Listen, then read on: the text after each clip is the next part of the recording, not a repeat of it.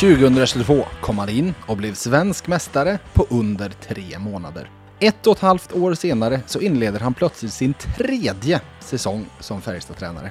Och har man den rollen, då hör det till traditionen att man inför säsongen sätter sig ner vid VF Hockeymicken. Så det är med glädje och stolthet jag faktiskt för tredje gången välkomnar tillbaka till podden Färjestads huvudtränare Thomas Mittell. Tack så hemskt mycket. Det känns lite konstigt att det är tredje säsongen. Nu var det inte en hel säsong första, men det är ju faktiskt tredje hockeysäsongen du tränar Färjestad.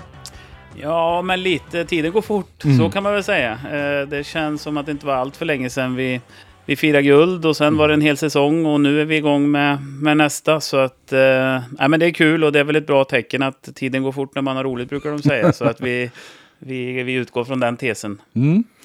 När du var med i fjol i podden, då fick du göra det jag kallar för VF Hockeytian. Tio kortare frågor där lyssnarna fick lära känna dig.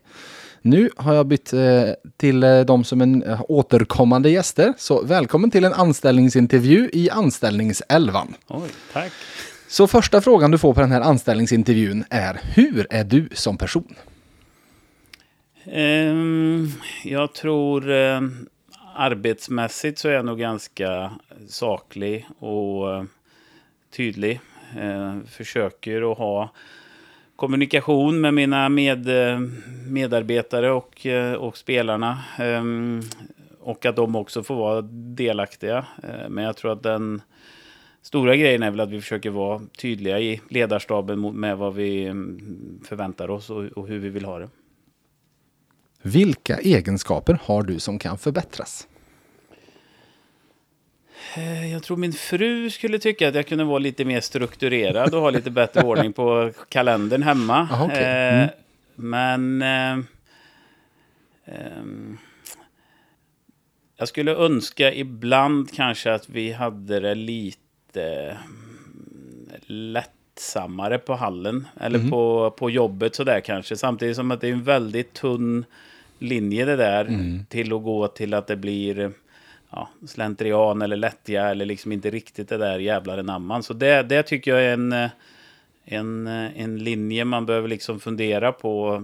Dels i långa perspektivet men också varje dag liksom att eh, och det är väl något man eh, funderar på. Och sen just att det är också olika för, för olika spelare. Eh, eller olika, ja, vilka det nu än är på, eller mina kollegor. Att, alltså, vissa vill ju ha det mer lättsamt och vissa tycker att det blir flamsigt. Och vi är ju faktiskt här för att jobba och vinna hockeymatcher. Så det är ju en balans som eh, jag önskar att jag kunde vara perfekt på varje dag. Men, men det är väl något jag känner ändå att man, man försöker att utveckla liksom på något sätt. Mm.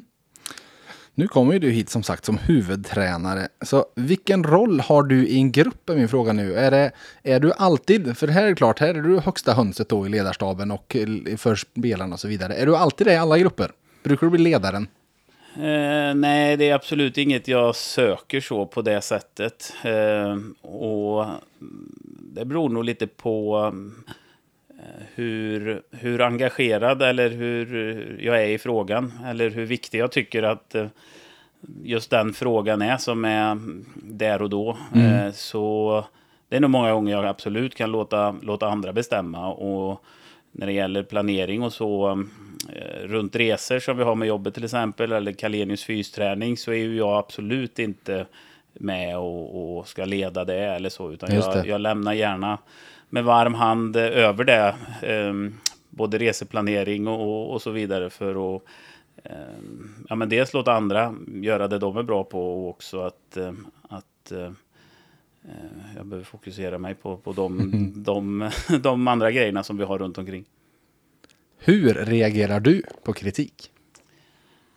Eh, nej, men det beror väl på hur, det beror för det första på vem det kommer ifrån kanske och vilken sak det gäller. Eh, och sen ingår det ju mitt jobb att- få kritik. Eh, och är den, är den saklig och underbyggd så lyssnar jag absolut. Eh, sen kanske inte alltid första mm, vad ska jag säga, första intrycket som den som får, eller det, den som ger kritiken, man, att man behöver nog ha på fötterna liksom. Men då lyssnar jag absolut. Så det kan ju vara, eh, ja men spelarna kan ju komma ibland och, och sen om det är kritik eller feedback, det kan man ju Nej. diskutera. Men, eh, men har de motiveringar som, som liksom är hyfsat vettiga så försöker vi ju absolut lyssna. Eh, som ett exempel. Så att eh, som sagt, jag, jag tycker att man behöver ju vara påläst och, och det är väl ibland med folk liksom kanske ser en match eller man ser en period eller man ser något byte och för oss är det ju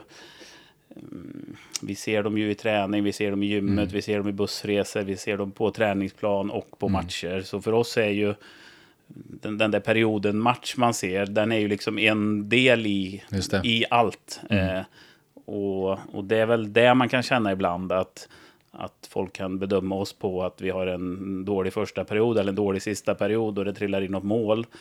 Att, att då ska den bänkas och då ska det mm. göra så och så medan det finns många andra lager i det, i vårat beslutsfattande som ser mm. dem varje dag. Så att eh, man får ju eh, acceptera att folk tycker och tänker, vilket de ska få göra och det är kul att folk bryr sig och så får ju, är det ju vårt, mitt jobb och, och vårt jobb som ledare att försöka sålla det där på något hyfsat vettigt sätt. Mm. Vad är framgång för dig? Um, ja, I min jobbroll så är det ju definitivt att vi, det är ju resultatbaserat. Så, mm. så i min värld så är det ju del ett, det är ju att vinna, vinna hockeymatcher. Uh, men sen är det klart, återigen, det finns ju många nyanser i det där. Se, se spelare utvecklas och se människor utvecklas och se något, uh, något vi har pratat om att vi gör det och att det fungerar eh, är ju en, en del i, i framgången. Men, eh, men i slutändan eh, så handlar det ju om att, att vinna, vinna hockeymatcher. Och hemma med Färjestad så vill vi ju gärna vinna SM-guld också. Så det är väl eh, så jag ser det. Mm. Hur jobbar du under stress? Eh, nej, men jag, jag, tror att jag är ganska lugn ändå. Mm. Eh, sådär. Eh, försöker att lära mig, eller har väl lärt mig med åren, och, och inte bli för, eh, vad ska jag säga, detaljkritisk. Okay. Eh, på enskilda grejer och inte fastna eller nörda ner för mycket i vissa, vissa detaljer i spelet utan ja, men det blir fel ibland och, och, det kommer studsar och det studsar emot och det studsar med och lite sådär. Men försöka att vara, vara saklig och liksom titta på vad faktiskt som har hänt och, och sen ehm, som sagt inte fastna för mycket i enskilda detaljer eller enskilda situationer, eller hur man nu ska uttrycka det. Mm. Vad har du jobbat med tidigare som vi andra inte vet? Um, ja, jag har jobbat på lager. Ja. Jag har varit hockeyspelare, ja, men det vet ni kanske. Uh, jag har jobbat på lager, jag har jobbat i sportaffär. Ja. Uh, läste till lärare i två år. Mm. Uh, Vilken eh, nivå skulle du vara lärare på? Eh, Eller hade men, du hunnit välja det? Ja, nej, det hade vi inte hunnit välja. Utan vi läste ju ledarskap och pedagogik. och eh, ja, lite av de bitarna. Så det var inte mm. ämnesrelaterat och Nej, inte åldersrelaterat. Eh, men jag kan nog säga att jag hade nog haft åt det äldre, ja. äldre hållet vad det mm. gäller eh, elever i så fall. Ehm, men det var kul och utvecklande och att eh, sen när man blev tränare och ledare så, så har man ändå haft nytta av, av den delen faktiskt, måste mm. jag säga. Så att, ja, det var en kul tid, men det kändes som kanske inte riktigt eh, min melodi ändå. Vad gör du om fem år? Eh, ja, eh, jag hoppas att jag är kvar och är hockeytränare på, på hög nivå och att jag, att jag och mina nära och kära trivs med, med livet. Mm. Eh, det, det är väl eh, det som kommer spontant. Eh, och sen hoppas vi att vi gör gör bra resultat här i, i Färjestad. Och sen vet man ju aldrig var karriären tar vägen um, om fem år. Det är väldigt lång tid, mm. speciellt i vår bransch. Men, uh, men jag utgår från att jag ska vara hockeytränare och uh, fortsätta med den, den banan. Mm. Vad gör du på fritiden? Eh, jag är hockeytränare. har man ingen nej, fritid då? Nej. Eh, nej, men som sagt, jag, jag försöker spendera tid med min, min familj ja. och, och, våra barn. Och eh, ja, vänner, vänner och bekanta runt omkring. Um, sen är det ett speciellt schema, speciellt ifrån den här årstiden och fram till april-maj någon mm. gång så är det ju väldigt uppbokat och vi spelar mer eller mindre alla lördagar. Och, så det styr ju såklart mycket av vårt, vårt liv det och mm. barnens aktiviteter. Um, nej, men så spelar väl, försöker spela lite paddel, försöker spela lite golf på sommaren. Uh, och sen brukar det inte finnas tid till, till så mycket mer. Så att, men det, det är ganska behagligt och ganska lagom. Så att uh, det, jag trivs väldigt bra. Mm. Eftersom det här är en jobbintervju så är nästa fråga, vad har du för något löneanspråk? ja, eh, marknadsmässig ja, lön kan man säga. Mm. Eh, nej, men det är väl, eh, det är väl inte, inte så att någon tror jag egentligen i den här branschen håller på för, för pengarnas skull. Eller väldigt få i alla fall. Eh, utan det är ju att man tycker att det, att det är roligt och det är en passion och det är kul att vara och, och tävla och få göra det liksom eh, eh, flera gånger i veckan på, på allvar. Mm. och det tror jag skulle sakna i, i livet annars. Mm. Så, så lönen är väl inte superviktig så sett egentligen. Eh, även om man ja, såklart behöver tjäna mm, man, relativt marknadsmässigt. Ja. Liksom. Eh, sådär. Så att, men som sagt, lönen är inte, inte prio, prio. Nej. Till sist då, vad kan du tillföra den här podden? ja, eh, förhoppningsvis lite inside om, eh, om spelarna och hur vi tänker och eh, Eh, hur vi ska, mm, hur vi ser framåt mot, mot säsongen. Så att eh, det hoppas vi väl att nyfikna lyssnare ska få något svar på i alla fall. Vilken radioövergång du gör ändå, för det är det vi ska börja med nu. Supersnyggt, för vi ska göra samma klassiska tema som vi, ni VF Hockey-lyssnare har hört flera år i rad. Där vi låter huvudtränaren, nu Thomas Mittell, gå igenom truppen, spelare för spelare.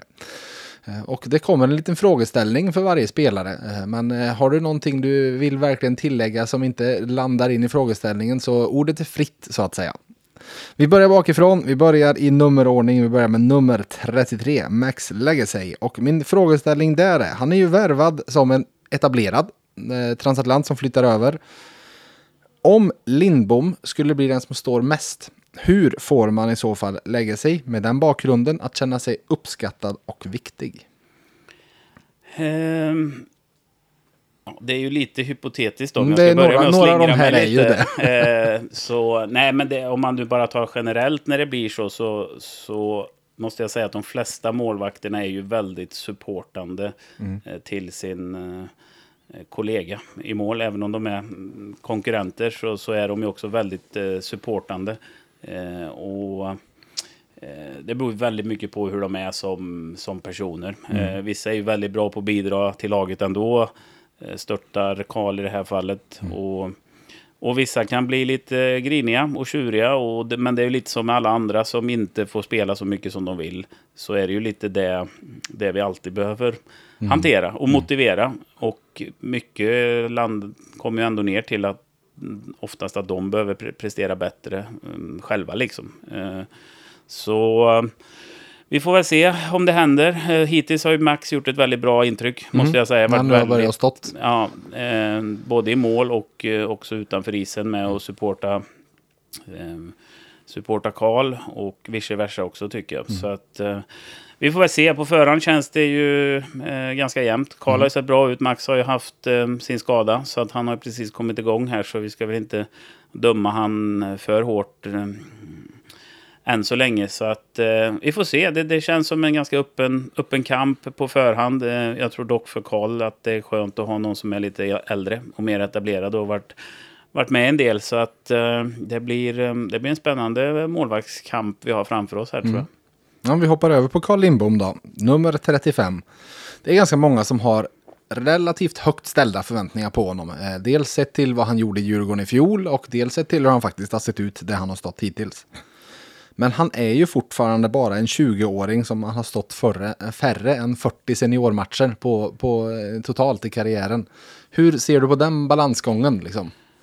Eh, nej, men jag tror generellt, och det gäller ju Karl och det gäller andra målvakter och kanske andra unga spelare också, att vi, vi har väl några som, som vi kommer till också, som, som man ska ha ja, men lagom höga förväntningar på. Och det är klart, i en drömscenario så slår de igenom och, och ja, livet går spikrakt. Men det är ju oftast det är det ju inte så. Utan Nej. det kommer några dippar och så på något sätt jag, jobba på metodiskt, inte bli, inte bli för glad och inte bli för ledsen och ta vara på varje dag. Det är ju väldigt tråkigt, klyschigt svar, men, men att Karl skulle segla upp och göra eh, sitt livs säsong, det är ju kanske inte troligt. Även Nej. om vi, vi gärna ser att det händer och att mm. han, han gärna får vara superbra hela året. Så, så det blir ofta lite upp och ner, precis som för alla andra spelare. Så att eh, vi, vi är nöjda med det han har gjort hittills. Han har gjort ett bra intryck som du sa. Mm. Eh, och sen exakt hur bra han är och hur mycket han står, det,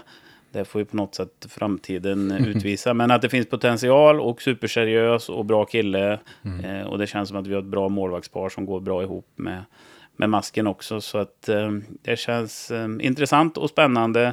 Och sen eh, är det väldigt svårt att veta exakt hur, mm. hur bra det blir. För som sagt, det är ju bara 40 matcher på seniornivå och, mm. och hela den biten. Så att, men, men som sagt, det ser, känns intressant ut och han har gjort ett bra intryck hittills. Mm. Vi hoppar över till backarna och vi börjar med han som har nummer sex men som inte är med när ni tränar. Och eh, frågeställningen kring Mikael Wikstrand är som tränare, hur håller man ändå lågan uppe för någon som, om vi ska vara helt ärliga, man hade väl alla förstått om man bara hade tröttnat på det här efter ett och ett halvt år utan att spela hockey. Ja, eh, och jag ska säga att det är inte, jag ska inte ta åt mig så där jättemycket ära av det, utan det är han ihop med Medical eh, mm. och Kalenius som sköter fysbiten som, som uh, håller lågan uppe och biter ihop och, och verkligen kör.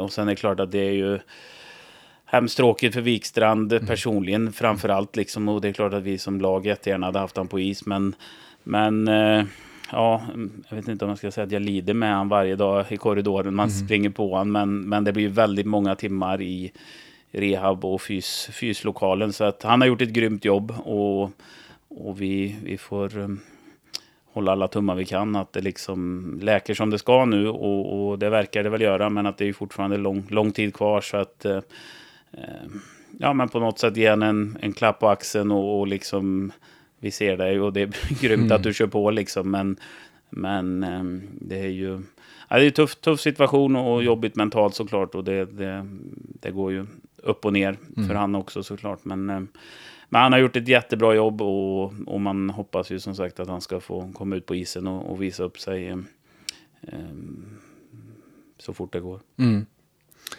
Nummer sju, Axel Bergqvist, som ju faktiskt slutade tvåa i poängligan i SHL för rookies förra säsongen, men hade väl trots allt, får vi se det, som en hyfsat begränsad roll när alla var tillgängliga. Vad är viktigast för Axel för att ta nästa kliv och verkligen bli etablerad som en av sex backar? Ja, nej men eh, han kom ju från allsvenskan och det är ju som sagt ett, ett steg att ta. Eh, så det vi, det vi pratar mycket om är väl strukturen, hans egen struktur, inte så mycket lag, alltså lagspelet, eh, Nej. den strukturen förstår han, men just sin individuella en mot en situation, lite sortering, lite när man ska byta gubbar. Eh, den biten har han inte jobbat så mycket med i sin, i sin karriär och inte fått Nej. så mycket hjälp med kanske. Så det är väl lite det, det vi håller på för att liksom sätta en bas i sitt eget spel mm. som man helst inte faller ur så ofta. Och sen kan man liksom bygga, bygga därifrån. Um, men han har ju fantastiska aktioner. Och man ser han ju några gånger varje match och det är så oj, oj, oj, gud vad bra. Mm. Mm. Uh, och, så det handlar väl mest om att bygga en, en bas så att han har kvar de där bra grejerna men inte dippar för mycket i, i vissa situationer. Uh, men jag måste säga att han ser ju betydligt bättre ut nu än mm. vad han gjorde i fjol vid den här tiden. Och jag tycker också att han ser bättre ut nu än vad han gjorde när han spelade eh, slutspel mot Frölunda. Så att han, han tar kliv och nu har han varit här och fysat en sommar till. Mm. Och kommer in i det med lite andra eh, verktyg i verktygslådan på något mm. sätt. Så att, men det är väl just det, att hitta en stabilitet, en struktur eh, i sitt, sitt eget spel som, som gör att han kommer ta kliv. Så att eh, mycket potential och gjorde ju mycket poäng i en förhållandevis liten, liten roll ändå. Så att eh, det är lite som med Karl där, att vi, vi får väl se exakt mm. var, det, var det tar vägen. Det är mycket upp till, till spelarna också. Och, um, och ja, vad ska jag säga, bli bättre och, och sno istid från någon annan. Mm, mm. Nummer 26, Joel Nyström, där du i fjol fick frågan 25 poäng över under. Så jag tänker, varför ska jag hitta på någon ny fråga? 25 poäng över under i år. Uh, ja, jag vet inte ens hur många gjorde han i fjol. Exakt samma som året innan. Så han landade på 16, tror ja. jag. Som var, så det har han gjort två år i rad nu. Mm. Uh, nej, men jag skulle tro att han uh, säkert kan göra några poäng till. Och mm. sen 25, ja vad vet jag. Eh, på, något, på något sätt är det kanske inte riktigt där han bedöms heller. Däremot önskar vi ju att han, han tar för sig lite mer offensivt. Mm. Och, och att han har mer offensiv i sig än, än vad han har visat kanske. Eller för mm. att alla har sett potentialen på något mm. sätt. Eh, men det handlar ju också om, han är ju väldigt lojal. Mm. Och vill göra rätt och vill följa spelsystemet. Och att han kanske ibland kunde ja, gå utanför eh, de ramarna vi har satt upp. Liksom, för att han har, han har ju bra potential. Så att, eh...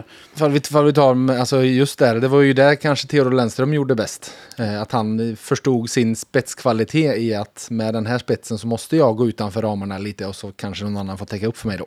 Är det lite den ni vill åt ibland med Joel också? Ja, men lite grann sådär. Mm. Och att han...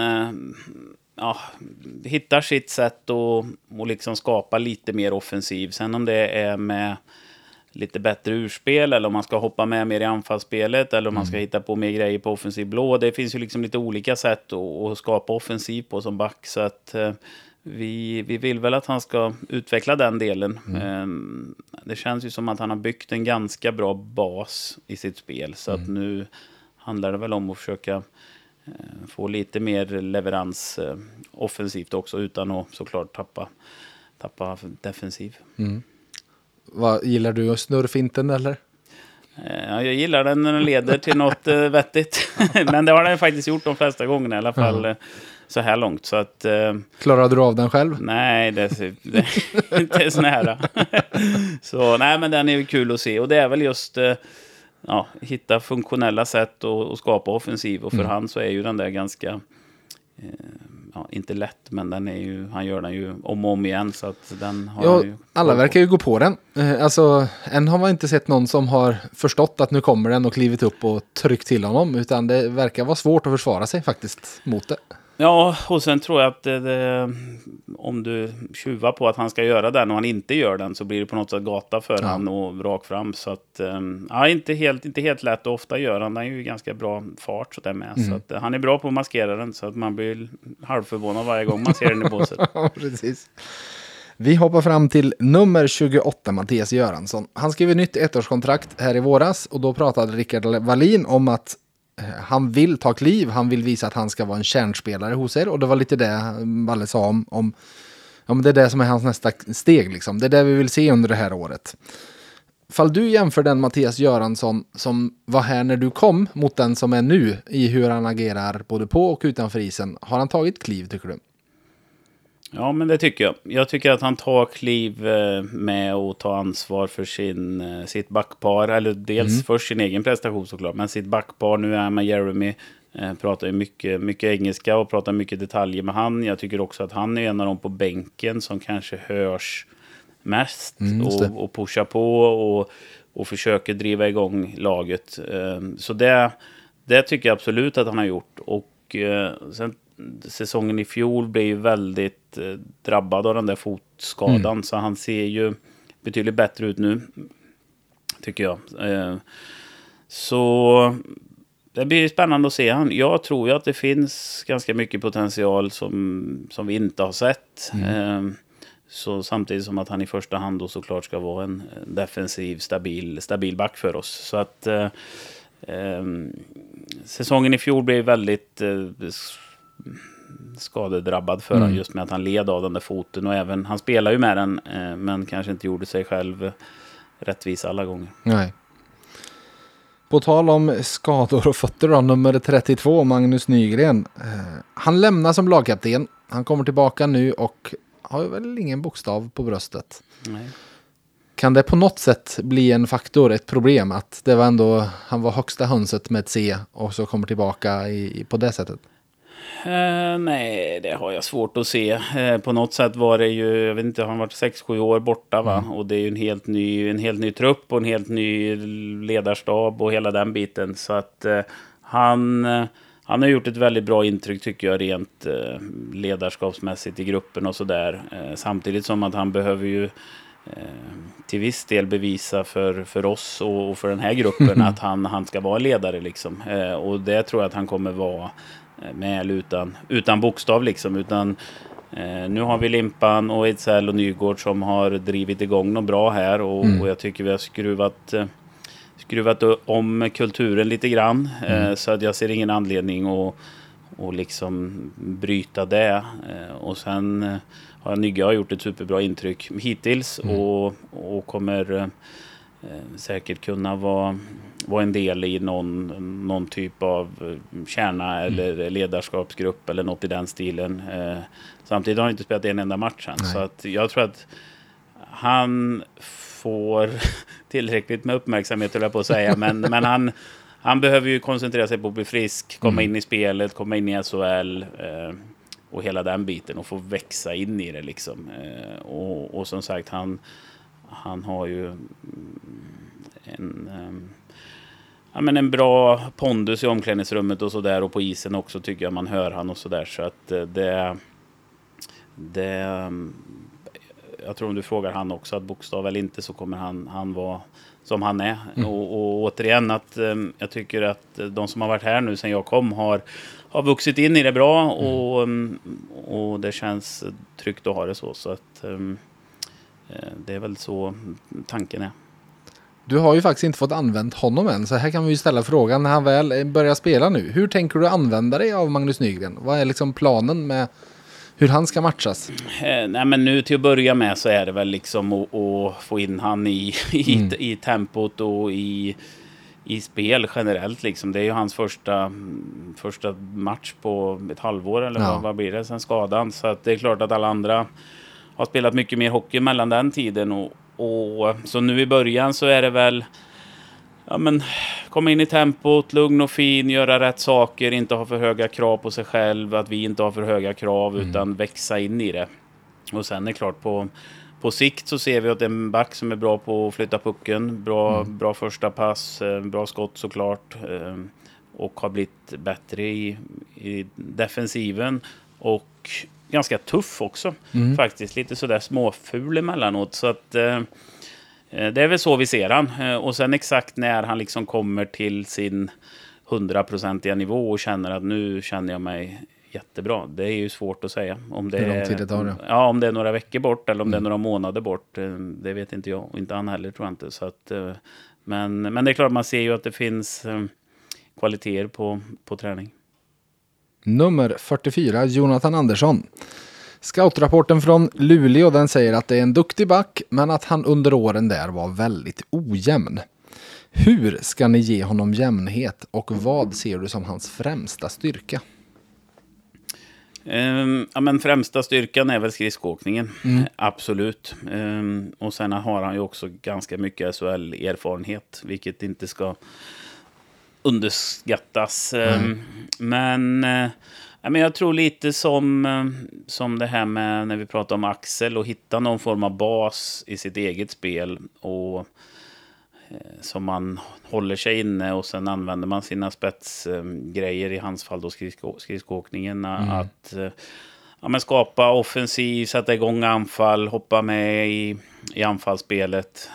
Så att jag tycker att han ser ju bättre ut för, för varje, varje vecka som går. Och att eh, har väl också varit en av dem som kanske är kvar lite i sitt gamla gamla spelsystem, gamla Luleå-systemet. Mm. Man kan se det på, på Kjellman också. Jag är inte Bulan. Nej, men så man ser ju på de, mm. Eh, de etablerade spelarna att har man spelat i ett spelsystem några år ja, så sitter ju det ganska djupt rotat. Så att vi, vi håller väl på att vänja bort han från det och komma in i, i vårat spel lite mer. Och där vill vi ju att han ska hoppa med i, i anfallsspelet och vara följsam.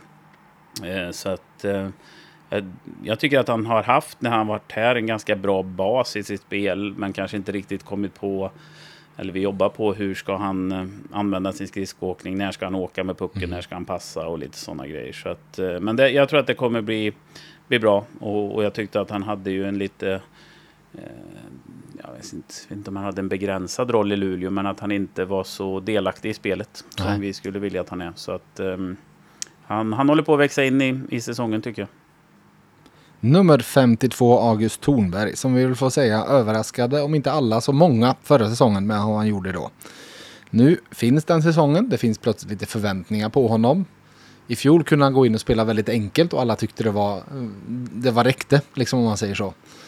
Vi hade ju en turnover mot Ingolstadt som blev väldigt kostsam. Där det kändes, min känsla från framför tvn var att han överspelade situationen kanske. Att det var en väl svår lösning att välja. Finns det någon sån risk i det? Efter ett sånt där första år att han också, ja men nu vill jag visa mer. Nu tycker folk att jag ska göra mer.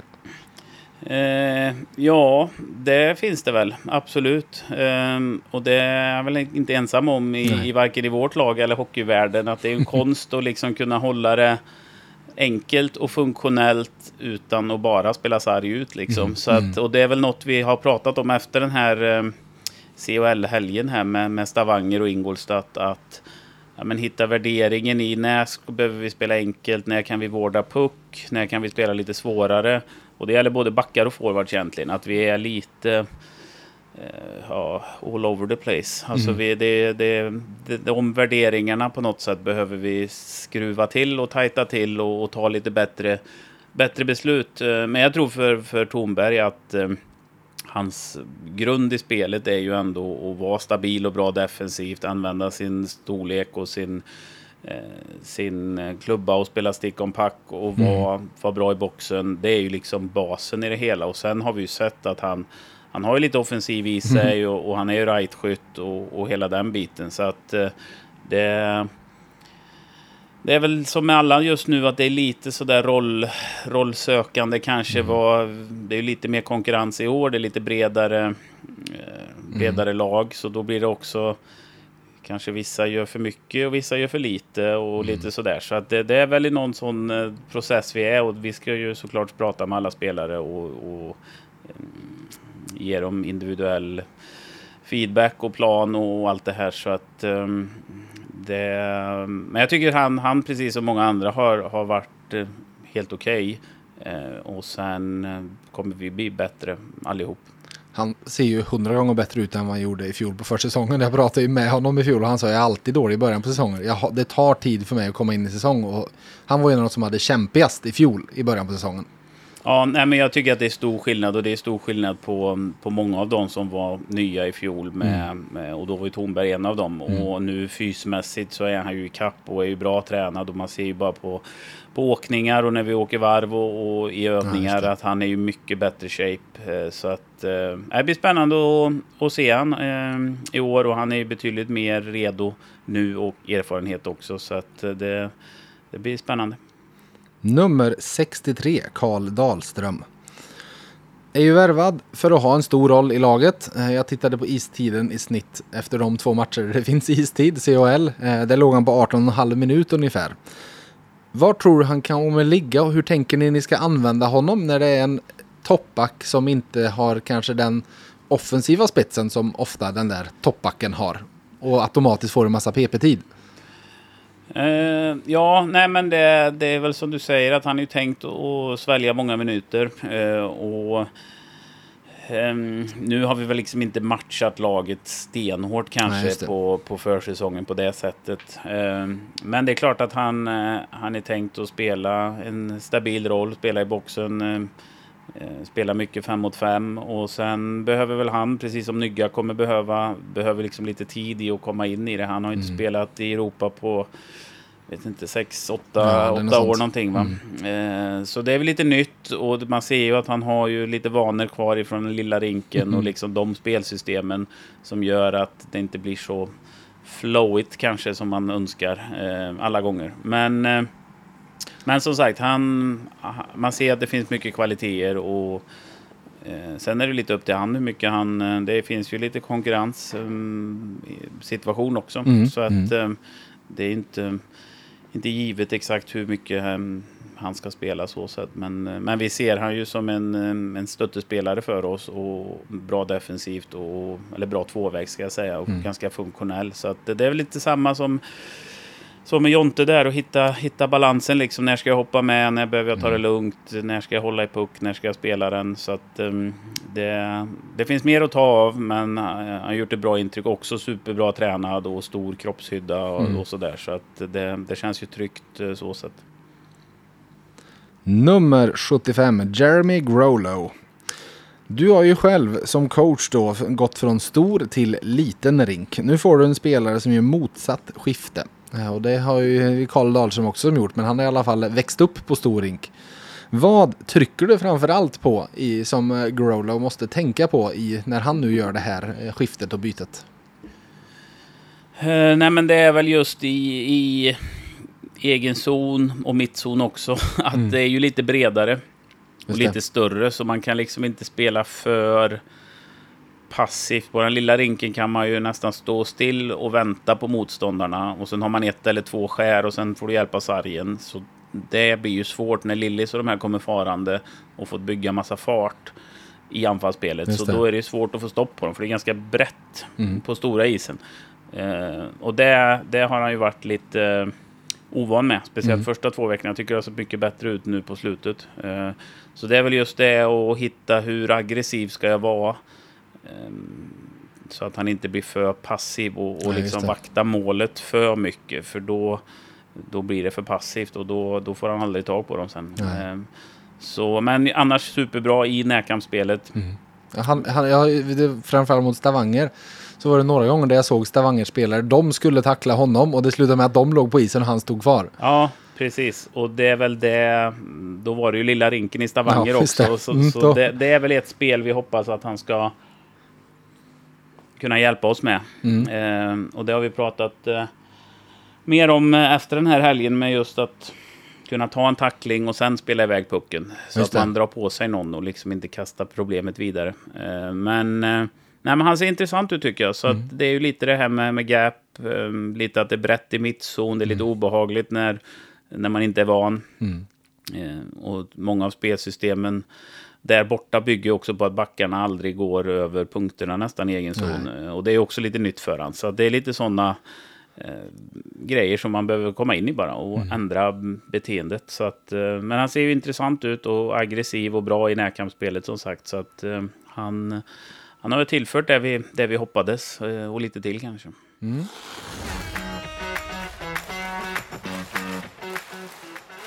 Hallå där! Håll koll i höst. Läs de senaste nyheterna med VFs pluspaket i tre månader för endast 29 kronor. Med pluspaketet läser du alla nyheter på sajten och i vår nyhetsapp. Länken till erbjudandet hittar du i avsnittsbeskrivningen. Det hade vi ju backar och målvakter klara och hoppar fram mot forward så han som spelar med ett backnummer men faktiskt är forward. Nummer fyra, Oskar Lavner. Han gjorde nio mål i fjol och får väl säga fick sitt seniorgenombrott eh, ordentligt den säsongen. Finns det verkligen plats för honom att växa vidare med den konkurrens som ni har? Ja, men det tror jag. Jag tror att det, det finns plats för, för alla att växa, eh, höll jag på att säga. Eh, så att eh, det blir kul, kul att se Lavner. Han har ju också tagit kliv, tycker jag, för varje, varje år. Och blir, blir mer seniormässig, eh, blir bättre tränad. Um, så att eh, det, det, finns ju alla möjligheter och det finns väl också en uppsida med att, att vi har ett brett lag och det är ju att du får en bra omgivning när du spelar. Nästan var du än spelar. Eh, så att eh, åka och spela i en tredje eller fjärde line i ett bottenlag behöver nödvändigtvis inte vara var, även fast du spelar alla omgångar så är det mm. inte säkert att du har speciellt bra omgivning. Så då är det Nej, inte så lätt det. att leverera ändå. Så att eh, jag tror att man glömmer bort ibland att du har ju väldigt stor del av din utveckling som spelare sker ju på träning också. Mm. Eh, så att det är inte bara de, om du spelar 9 eller 12 minuter på en match eller 15. Så det är inte det är en liten del av veckans, mm. veckans jobb på något sätt. Så mm. att, eh, men som sagt, han, han är väl en av dem som, eh, som ska förhoppningsvis ta ett, ett kliv till. Och vi vet ju ungefär vad vi får. Och det, för han handlar det väl också om att eh, dels bli lite smartare utan puck i vissa delar i spelet och sen hitta ännu mer sätt att, att komma loss med sin skridskoåkning och sitt skott och, och, och få ännu mer eh, eh finish product, mm, eh, eller alltså leverans mm. poängmässigt. Eh, men, eh, men som sagt, super, superbra kille, kör alltid, alltid bra på träning så att det ska bli, bli kul att, att se. Nummer 10, Marcus Nilsson. Och min fråga är så här. Vilket betyg sätter du på Lillis säsong i fjol? Oj, jag har nästan uh, glömt höll jag på att säga. Uh, nej men vad hade han? 35 30, poäng? Ja, 35-36 poäng någonstans. Mm, och det är ju det är ju väldigt bra ändå. Det är ju inte så många i SHL som gör över 35 poäng. Uh, så man... Ha, vad ska jag säga? Han är ju en liten vattendelare mm. ibland och man kan ju vara väldigt frustrerad på han. Eh, samtidigt som att det är ju ofta han som hittar på något så att det faktiskt eh, blir några mål också. Så att eh, det, ja, det, det, är, det är svårt ja. ibland. Eh, och jag tycker så här att när, när övriga laget jobbar eller spelar som vi ska så finns det mycket mer plats för Lillis att spela som han bör göra för mm. att vara bra. När vi är lite inte så bra som lag så, så blir inte Lillis så bra heller, Nej, upplever jag. Eh, så eh, det viktigaste tycker jag med han är väl att han rör på fötterna och är liksom delaktig och mm. försöker och eh, ja, men vilja ha puck mycket och försöka och när vi inte har pucken att han ändå sätter lite press. Han får någon klubba på någon puck så att det blir lite lösa puckar. Eh, så det är väl det vi pratar om. Liksom. Jag förväntar mig inte att han ska gå in och tackla som Limpan eller Nej. något i den stilen. Men, men just att han är delaktig och inte blir passiv. För då när han får pucken sen, då har han ingen fart. Så då blir Nej, det inget, det. inget av det heller. Så att, eh, men eh, men en spännande spelare ändå med, med spetskvaliteter mm. som, som man ibland kan bli frustrerad på som coach, men som också gör, gör skillnad. Liksom. Mm. Eh, och sen ska man komma ihåg att han slår ju ganska mycket bra passningar som vi inte gör mål på. Mm. Och de glöms ju bort liksom. Så att det är också beroende av att hans omgivning gör mål på det han faktiskt normalt sett passar fram. Ja. Eh, så, han hade lite otur i utdelning i fjol. Att det kunde ha blivit ännu mer? Ja, men lite sådär liksom. Mm. Och det är väl samma nu. Nu är det ju bara försäsong och två CHL-matcher. Men han har ju haft ganska många pass in i slottet som vi kanske inte har gjort mål på. Ehm, och, ja, så det, men som sagt, han... Vissa dagar och vissa byten så är han ju gudomlig att titta på. Mm. Och sen vissa byten så är det inte så kanske. Ehm, men däremot måste jag ge en cred, cred ändå. För han har ju blivit bättre utan puck. Och mm. följer ju ändå spelsystem och de ramar vi har mm, utan puck på ett ganska bra sätt. För han är mm. ganska hockeysmart. Så mm. att när han bara lägger manken till så, så går det ganska bra liksom. Och det gör ju också att man kan spela han då. Kanske även om det inte ser perfekt ut så, mm. så skyddar han sig själv lite grann så man kan ha honom på isen. Så att eh, ja, det blir spännande att se honom.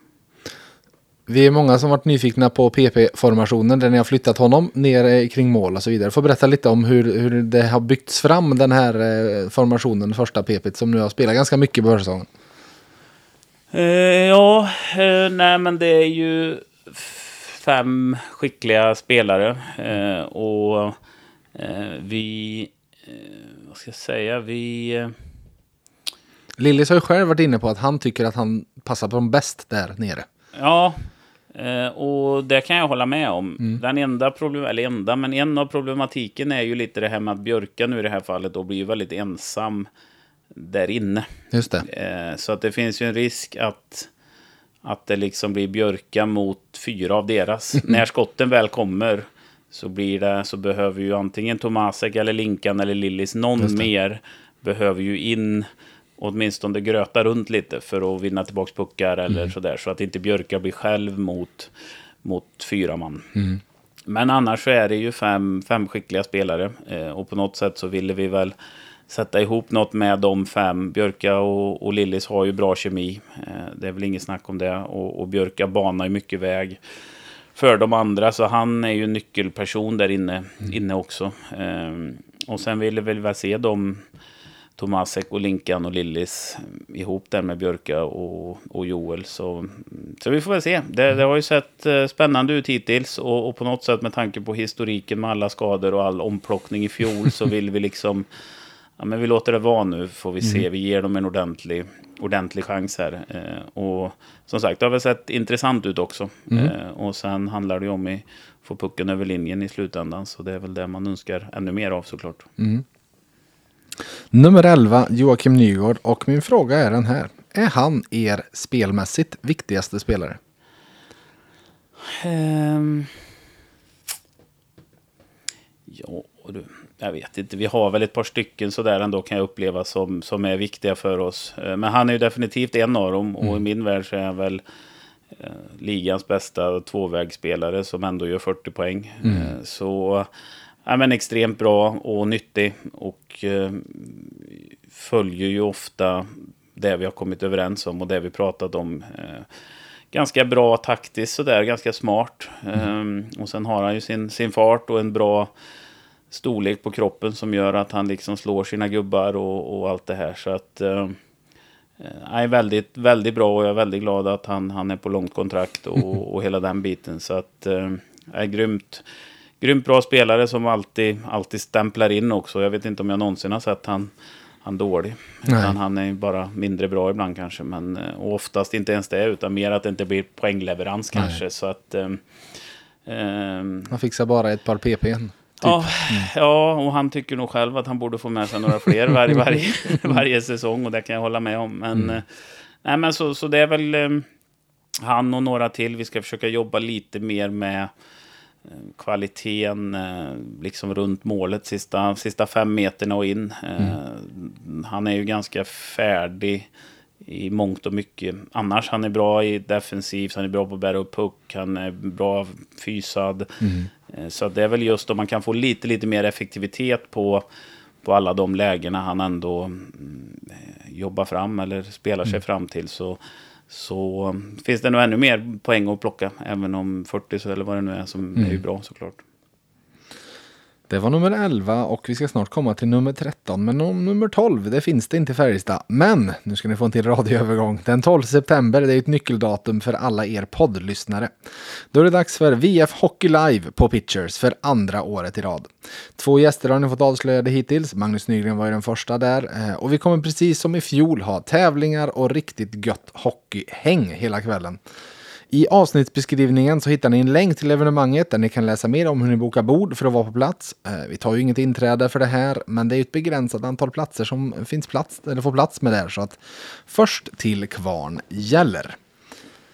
Och med det sagt så går vi väl på han som är nummer 13, där det har varit Daniel Wiksten i många, många år i Färjestad, men där det nu står Kjellman på ryggen. Eh, och min fråga till dig Thomas är, poängkung i Brynäs Karlskrona. I fjol gjorde han i princip lika många poäng som Patrik Lund som har många förtjänster men nog inte ses som en poängkung längre. Hur ska ni få honom att hitta produktionen igen, Joel Kjellman? Mm, ja, nej men det, det blir väl... Um, han, han är ju en smart uh, spelare. En smart center. Uh, så att det, en del är väl att, att hitta med, med omgivning som som eh, passar med han. Och det håller vi väl fortfarande på och testar, testar runt lite grann vad som kan tänkas och, och, och fungera. Mm. Eh, och sen hoppas jag att vårt kanske ändå lite mer offensiva spel än vad Växjö har i, i grunden ska kunna släppa loss han lite mer och att han framförallt kommer iväg lite snabbare ifrån, från egen zon eller från att vi vinner puck. Att han är inte så, inte så djupt ner och inte så mycket i sidled och bakåt. Utan mer försöka ha lite mer attack direkt. Och han är väl en av de som man ser att han, han kommer från ett annat spelsystem med Växjö. Som, mm. som gärna vårdar puck och gärna vänder hem och vänder hem en gång till. Eh, så men som sagt, att det finns kvaliteter att göra, göra mer än 18 poäng, det, det är jag ganska övertygad om. Och ganska underskattat skott och sådär också. Så att eh, ska försöka sätta han med lite mer offensiv omgivning än vad han kanske hade i, i Växjö också. Som, som ändå kanske inte hade det mest offensivt starka Nej. laget rent forwardsmässigt. Vi hoppar fram till en av dem som ju har spelat lite med Joel i alla fall på försäsong. Nummer 14, Viktor Ejdsell. Tillbaka som ytterforward. I fjol satt vi och pratade om honom som center här. Eh, när Rickard Wallin var med i podden i slutet av förra säsongen så pratade han om hur han hade gett sig och att han hade gått på din och Viktors linje. Att, att ni vann till sist. Varför, med, med den bakgrunden, varför tycker du han är bättre som ytterforward? Eh, nej, men jag tycker att det han är bra på som center, om man börjar där, så är det ju att komma med pucken kanske mitt i banan ifrån egen zon. Mm. Eh, men att han ofta får lägga mycket kraft för att vinna puck, till att börja med i egen zon.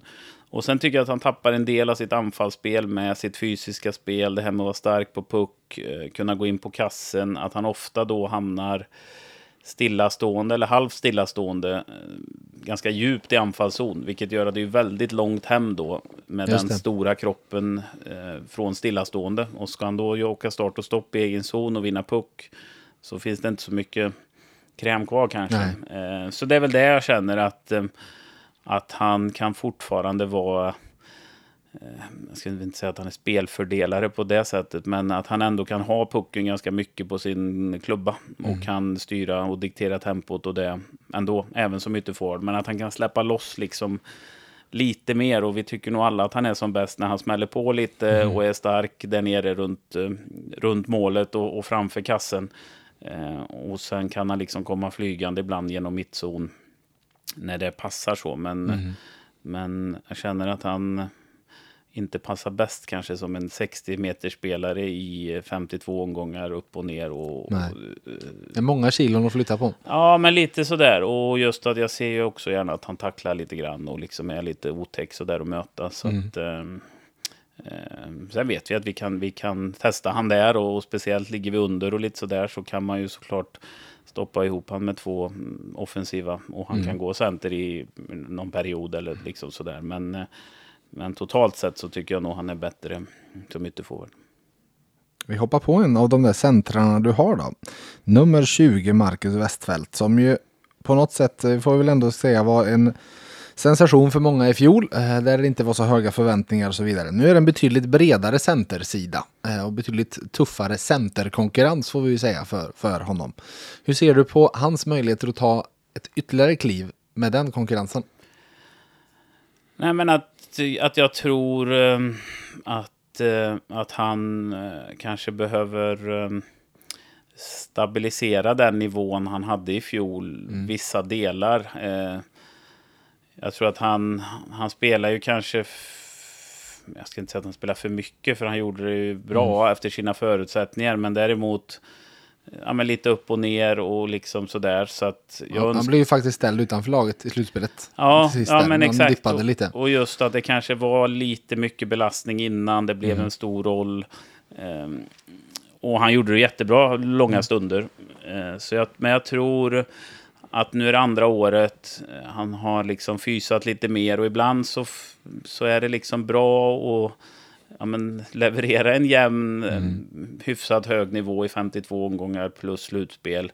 Och sen kanske nästa, året efter det, så tar man ett kliv till. Eh, och vi har väl kanske några, några fler sådana spelare med ja, men, Joel Nyström till exempel, som mm. kom in när vi vann guld där och spelade liksom väldigt stor roll helt plötsligt efter Wikstrands skada. Mm. Och sen i fjol, ja men ett bra, stabilt seniorår. Och så kanske man kan ta ett litet kliv eller ett stort kliv i år. Mm. Så att jag tror den här kurvan, lite som vi pratade om Karl i början där med, med målvakter, att mm. den är ju liksom oftast inte spikrak liksom. Nej, utan ibland behöver man liksom landa på en platå, men nu vet jag att det här klarar jag. Och sen tar man nästa kliv. Det är liksom ingen, ingen rak uh, linje liksom. Så att uh, det blir kul att se honom och han ser ju mycket bättre ut, mycket mer redo. Uh, så att för han handlar det väl om just det där att leverera det där tvåvägsspelet över 60 meter, orka åka, vinna sina dueller, ta bra beslut. Eh, så, så kommer han ju ha en bra mm, SHL-karriär framför sig. Så att eh, det, det finns ju lite konkurrens mm. som sagt. Eh, men, men jag tror att han kommer vara med och pusha på också. Att de andra måste vara på tå. Och lite det här samma där du var inne på med Oskar Lavner så kan du väl även tala för Marcus Westfält att även om man nu skulle placera in honom som fjärde center eller hur man gör det kan vara två väldigt duktiga spelare på varsin kant i en fjärde kedja med den här eller forwardsbredden som ni har nu. Ja, ja men exakt. Och vi, vi har väl liksom inte tänkt att det ska vara en fjärde line som spelar Nej. Eh, fem minuter och bara är utfyllnad. Utan vi vill ju driva med, med fyra lines. Eh, och, och jag tycker nu med, när vi var iväg i helgen här så var väl eh, Westfalls line med Peppe och Lavne var väl den som var kanske inte bäst alla gånger, men i alla fall jämnast och ja. gjorde, gjorde jobbet liksom konsekvent och, och kanske för, förtjäna att spela, eh, spela ännu mer. Och mm. det blir ju på något sätt vårt jobb som coacher att eh, eh, om inte de lite mer större namnen, eller hur man nu ska säga det, eh, inte levererar så behöver vi ju promota och liksom lyfta upp eh, de som gör det. Så mm. att eh, det blir bra och det blir bra, bra med konkurrens och ska se att det tar några veckor till här så är det några skador till ska du se. Så då behöver vi alla vi kan få. Ja, en av dem som inte är med just nu är ju nummer 22 Per Åslund. Eh, och det brukar ju vara så med honom att han får en större roll allt hur säsongen går. Till sist så, så, spelar han i första PP och så vidare. 37 år nu trots allt, eh, ljumskoperation och inte igång i spel efter den. Hur, hur tänker ni kring matchningen av Per Åslund? Dels med tanke på att han faktiskt är 37 år och nu, nu hade lite skadeproblem i fjol. Ja, eh, men han var väl en av dem som eh, slet ont i första delen av säsongen och sen mm. eh, blev ju skadedrabbad på slutet och kunde väl inte göra sig själv eh, rättvisa. Även om han var med och spelade på slutet så vet jag att han var lite frustrerad på att det inte kändes som, som mm. han var van vid. Eh, nej men så, så det är väl lite som eh, Nygga och Wikstrand och de här som är långtidsskadade, att de får ju på något sätt växa in i det steg för steg och det är väl där han är någonstans mitt i den processen nu och försöker att eh, åka på egen hand och, och sen eh, får vi se. Vi vet ju att det är ju en bra en bra, smart tvåvägs ytterforward som, eh, som kan ta många roller också och spela med mm. i stort sett alla, alla lines som han är i funkar ju relativt bra. Så mm. att det är ju en väldigt bra spelare att ha som, som tränare. Mm. Eh, så, så vi får väl se. Det, men som sagt, han, han behöver komma tillbaka i full träning och sen ska han väl in och, och få känna på matcher och sen får vi väl se lite hur, var, var han passar in och och hur bra de andra har spelat och, och, och hela den biten. Så att eh, skulle vi någon gång under säsongen vara helt skadefria så kommer vi ha lite line-up-beslut att ta. Mm. Eh, men eh, hittills har vi inte behövt göra det, så vi, får väl se om vi, vi kommer dit. Men, men som sagt, låta han rehabba i, i lugn och ro och så komma in i det och så eh, börja spela match och sen får man väl ta det därifrån helt enkelt. Nummer 29, Lukas Forsell han har berättat om eh, den, eh, eller jag skulle vilja säga att du ska berätta om den mognad och utveckling han hade under förra hösten. För Lukas har själv pratat om att han kom kanske in med lite fel självbild och så vidare. Fel, kom fel in i förra säsongen så att säga. Vad hände där från augusti och fram till nyår?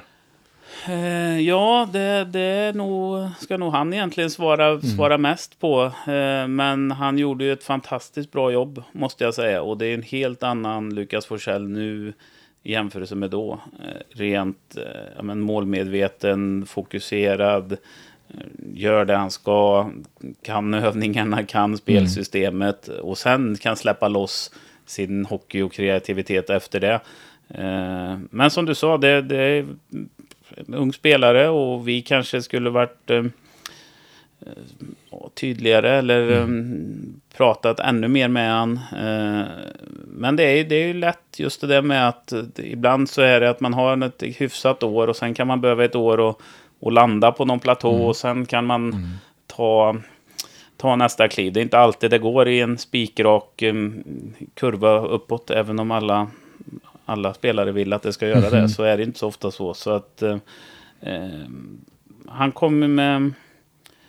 Ja, man kom lite fel in på det kanske och lite fokus lite för långt fram kanske på liksom eh, ja, vad som skulle ske i framtiden. Mm. Eh, men som sagt fantastiskt och stor eloge till han med att han på något sätt när han var i Karlskoga där och var utlånad att bra jobbat av Karlskoga och bra mm. jobbat av han att, att när han kom tillbaka sen så var det som en annan approach liksom. Och en ah, annan okay. inställning och en annan mindset till, till sin hockey. Eh, och sen dess så har han ju varit eh, exemplarisk för mm. att vara så ung. Med mm. att vara ja, men fokuserad, förberedd, kost, träning. allting. Så att um, vi, det blir ju spännande att se honom. Han har ju sett pigg, pigg ut så här långt. Och sen återigen med, med spelare att um, han kanske har gjort uh, tre mål fram till jul. Eller mm. han kanske har gjort 13 mål fram till jul. Vem vet liksom. Mm. Men det behöver inte innebära att han har gjort... Skillnaden behöver inte vara så stor. Uh, så att... Uh, Eh, vi, vi får se var han tar vägen och var han passar in. Men, men som sagt, det är ju en stor, stor skillnad på Lukas Forsell nu mot för ett år sedan. Så att, eh, grymt, grymt bra jobbat av han och, och hoppas han fortsätter ta steg. Nummer 34, Mikael Lindqvist. Och nu är det en kort period vi bedömer på. Men min fråga är den här. Är det här den bästa och rappaste Mikael Lindqvist du har sett under dina år i Färjestad? Ja, men det är det nog. Mm. Uh, skulle jag tro så här. Uh, bara spontant. Uh, nej, men han ser ju pigg och fräsch ut och har väl också varit uh, skadefri och fått träna på ordentligt här nu i en lång sommar. Ja. Ehm, så, så han ser pigg ut. har ju en bra, bra omgivning och tycker också att han har ju tagit grymt stora kliv i liksom tvåvägsspelet och lagspelet och, mm. och sådär. Så att eh, han, han är ju inte bara målskytt och skyttekung längre. Mm. Det, det, känns som han blir bedömd på vara det. Mm. Men de säsongerna han gjorde så mycket poäng så tror jag inte att han var så bra åt bägge håll Nej. som han är nu. Eh, och det, det, är väl något han... Eh, jag vet att han försöker jobba med och sätta stolthet i och vi försöker pusha han och göra det också.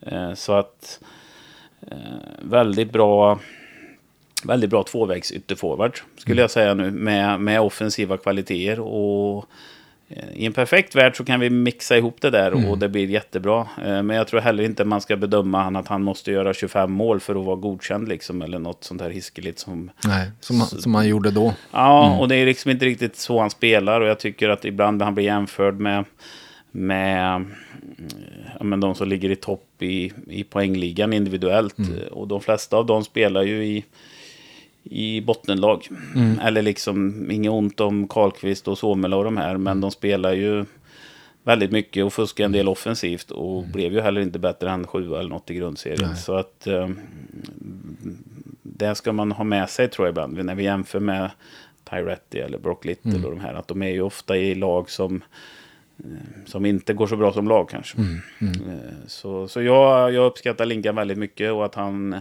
han spelar väldigt mycket för, för laget också. Eh, och sen vill, vill man, man vill alltid ha mer.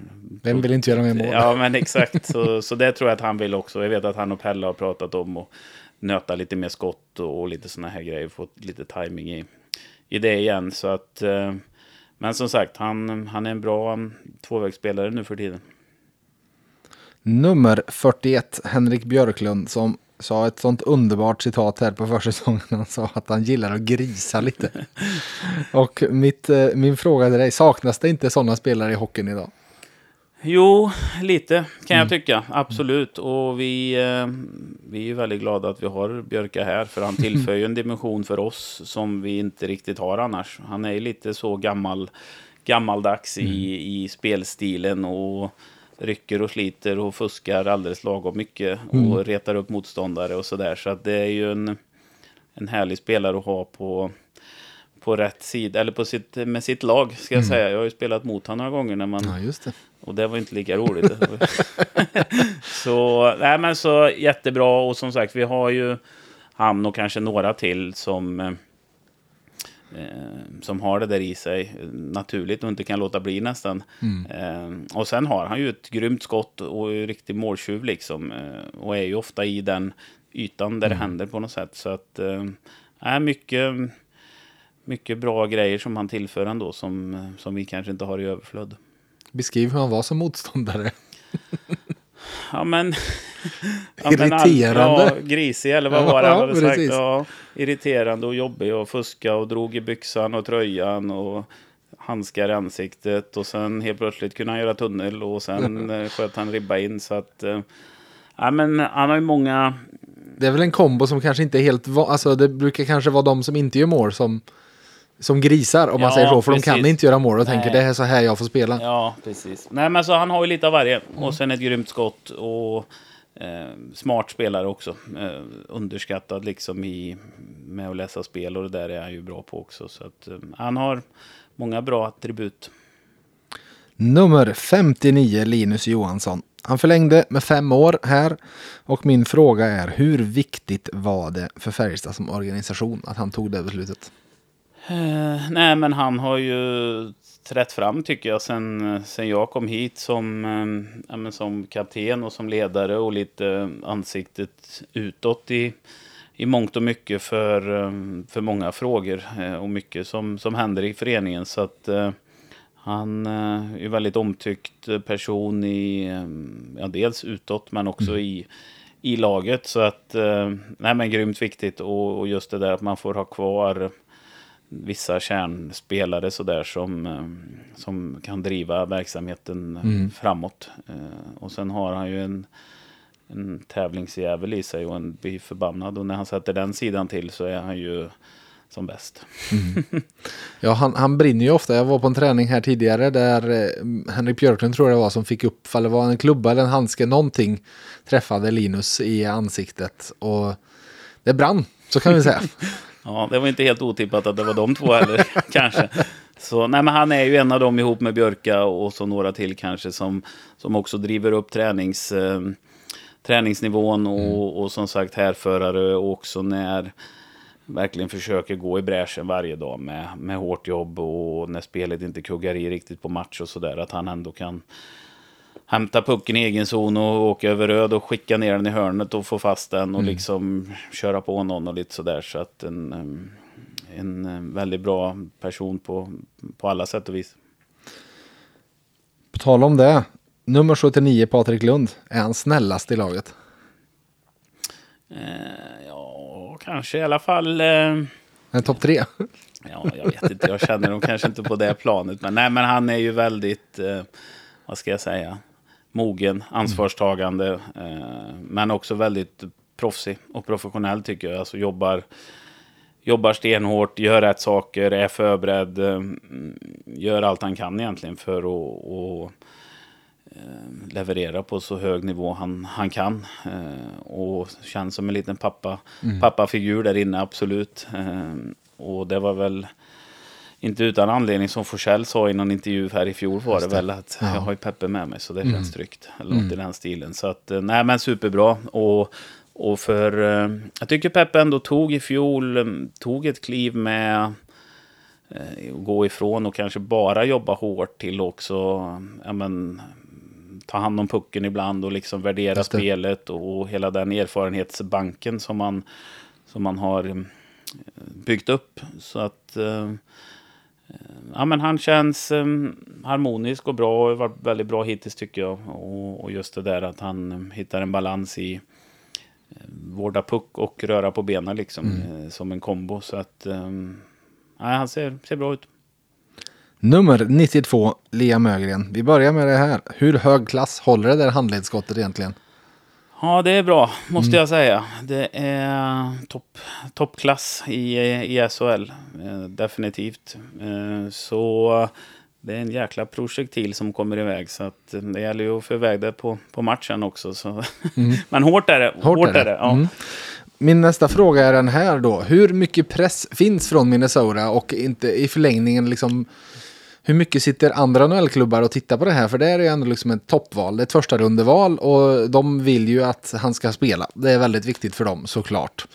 Eh, hur, hur viktigt är det eh, dels från, eller hur mycket press sätter de och hur mycket är det viktigt inför andra NHL-lag att de ser att men Färjestad kan vi sätta våra topptalanger i. Där vet jag att de kommer få bra utbildning och de kommer få chansen. Eh, ja, det, de sätter väl ingen press alls egentligen. Så sätt. Inget NHL-lag upplever inte jag. Och lite det där med att eh, de ska få chansen, spelarna. Det kan man ju liksom diskutera. Eller om de ska ta chansen. Eh, och också att NHL-lagen vill ju att vi liksom ska utbilda spelarna på, på rätt sätt. Liksom. Och det handlar ju inte om att du får krattad manege kanske alla gånger. Utan att du behöver sköta din fys och sköta din kost och du behöver träna bra varje dag och du behöver kunna spelsystemet och du behöver vara redo till match. Det ingår ju liksom i utbildningen. För om Just du det. inte har det med dig, då kommer du inte vara fem matcher i NHL, för då Nej. åker du ut med huvudet före. Eh, Så jag tycker ofta, så länge jag har hållit på i alla fall, att de, ja, men de kan ju ha en åsikt och de kan ju ha en plan på förhand. Liksom, att ja, men vi hoppas han får spela powerplay och, och allt vad det må vara. Men, men om jag pratar med dem och säger nej men jag tycker inte han, han är inte påkopplad på träning och han tävlar ju inte ordentligt och han kan ju inte övningarna och han kan ju inte spelsystemet. Då säger ju normalt sett de Europas mm, utvecklarna som finns i laget, då säger de nej men bra, sätt han vid sidan så han lär sig. det. Förklara för honom varför bara och sen eh, får han vara bättre. Mm. Vi ska prata med honom också. Så mer, Mer mer, åt det de vill hållet. ha kravställan. Ja, men lite grann så Mm. i alla fall. Det är ju liksom inte, inte så nödvändigtvis bara för jag som jag stoppar Liam Ögren i en första line och spelar han 25 minuter och han ska spela 5 mot 3 och 5 Mm. mot 4 och så gör han ja, 40 poäng. Det är ju inte säkert att han har fått rätt utbildning Nej, eller nej. rätt förutsättningar för att lyckas sen ändå. Utan han kanske kan spela längre ner och göra 20 poäng och vara lika redo ändå Ja. året efter. Eller till och med mer redo.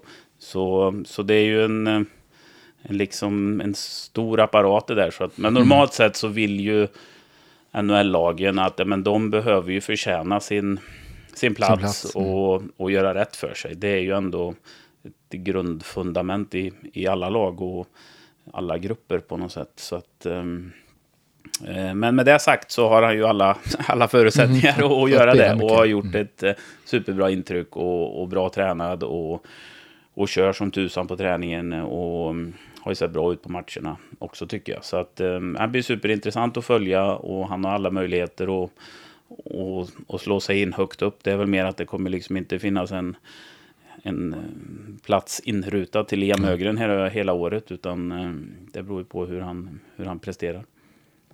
Siste man ut, nummer 96, David Tomasek. Och min fråga är, vad är hans främsta styrka?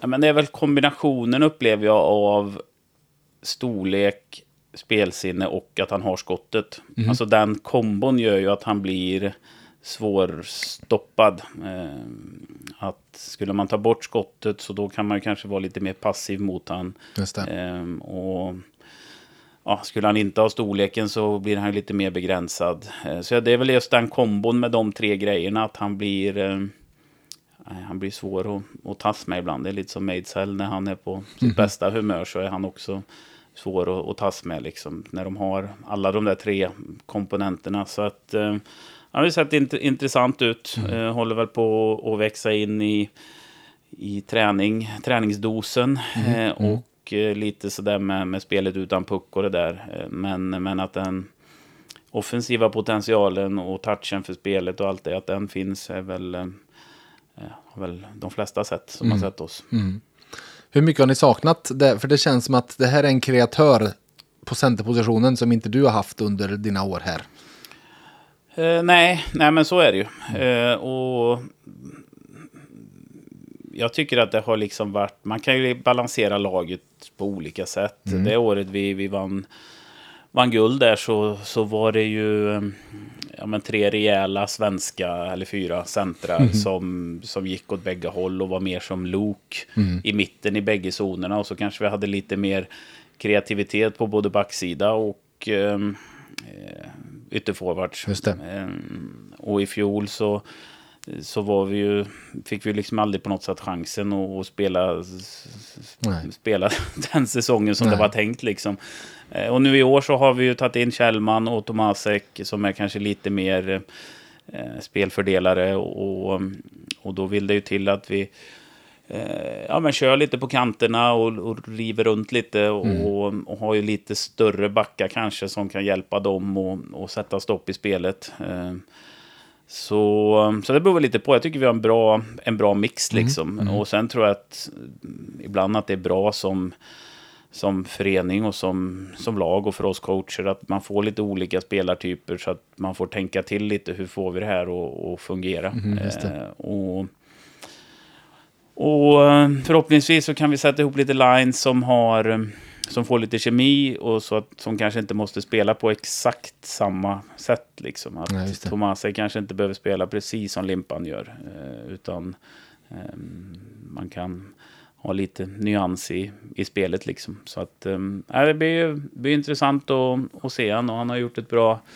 bra intryck hittills och intresserad och bra på engelska och sådär. Du, eh, grymt. Bra jobbat. Bra jobbat.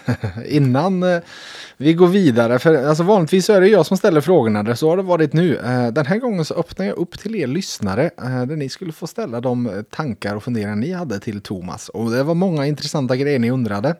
Men innan vi går vidare dit, då har det blivit dags för mig att lämna ordet till Christer på ICA Maxi Bergvik, för här kommer det här avsnittets ledtråd i säsongens stora lyssnartävling.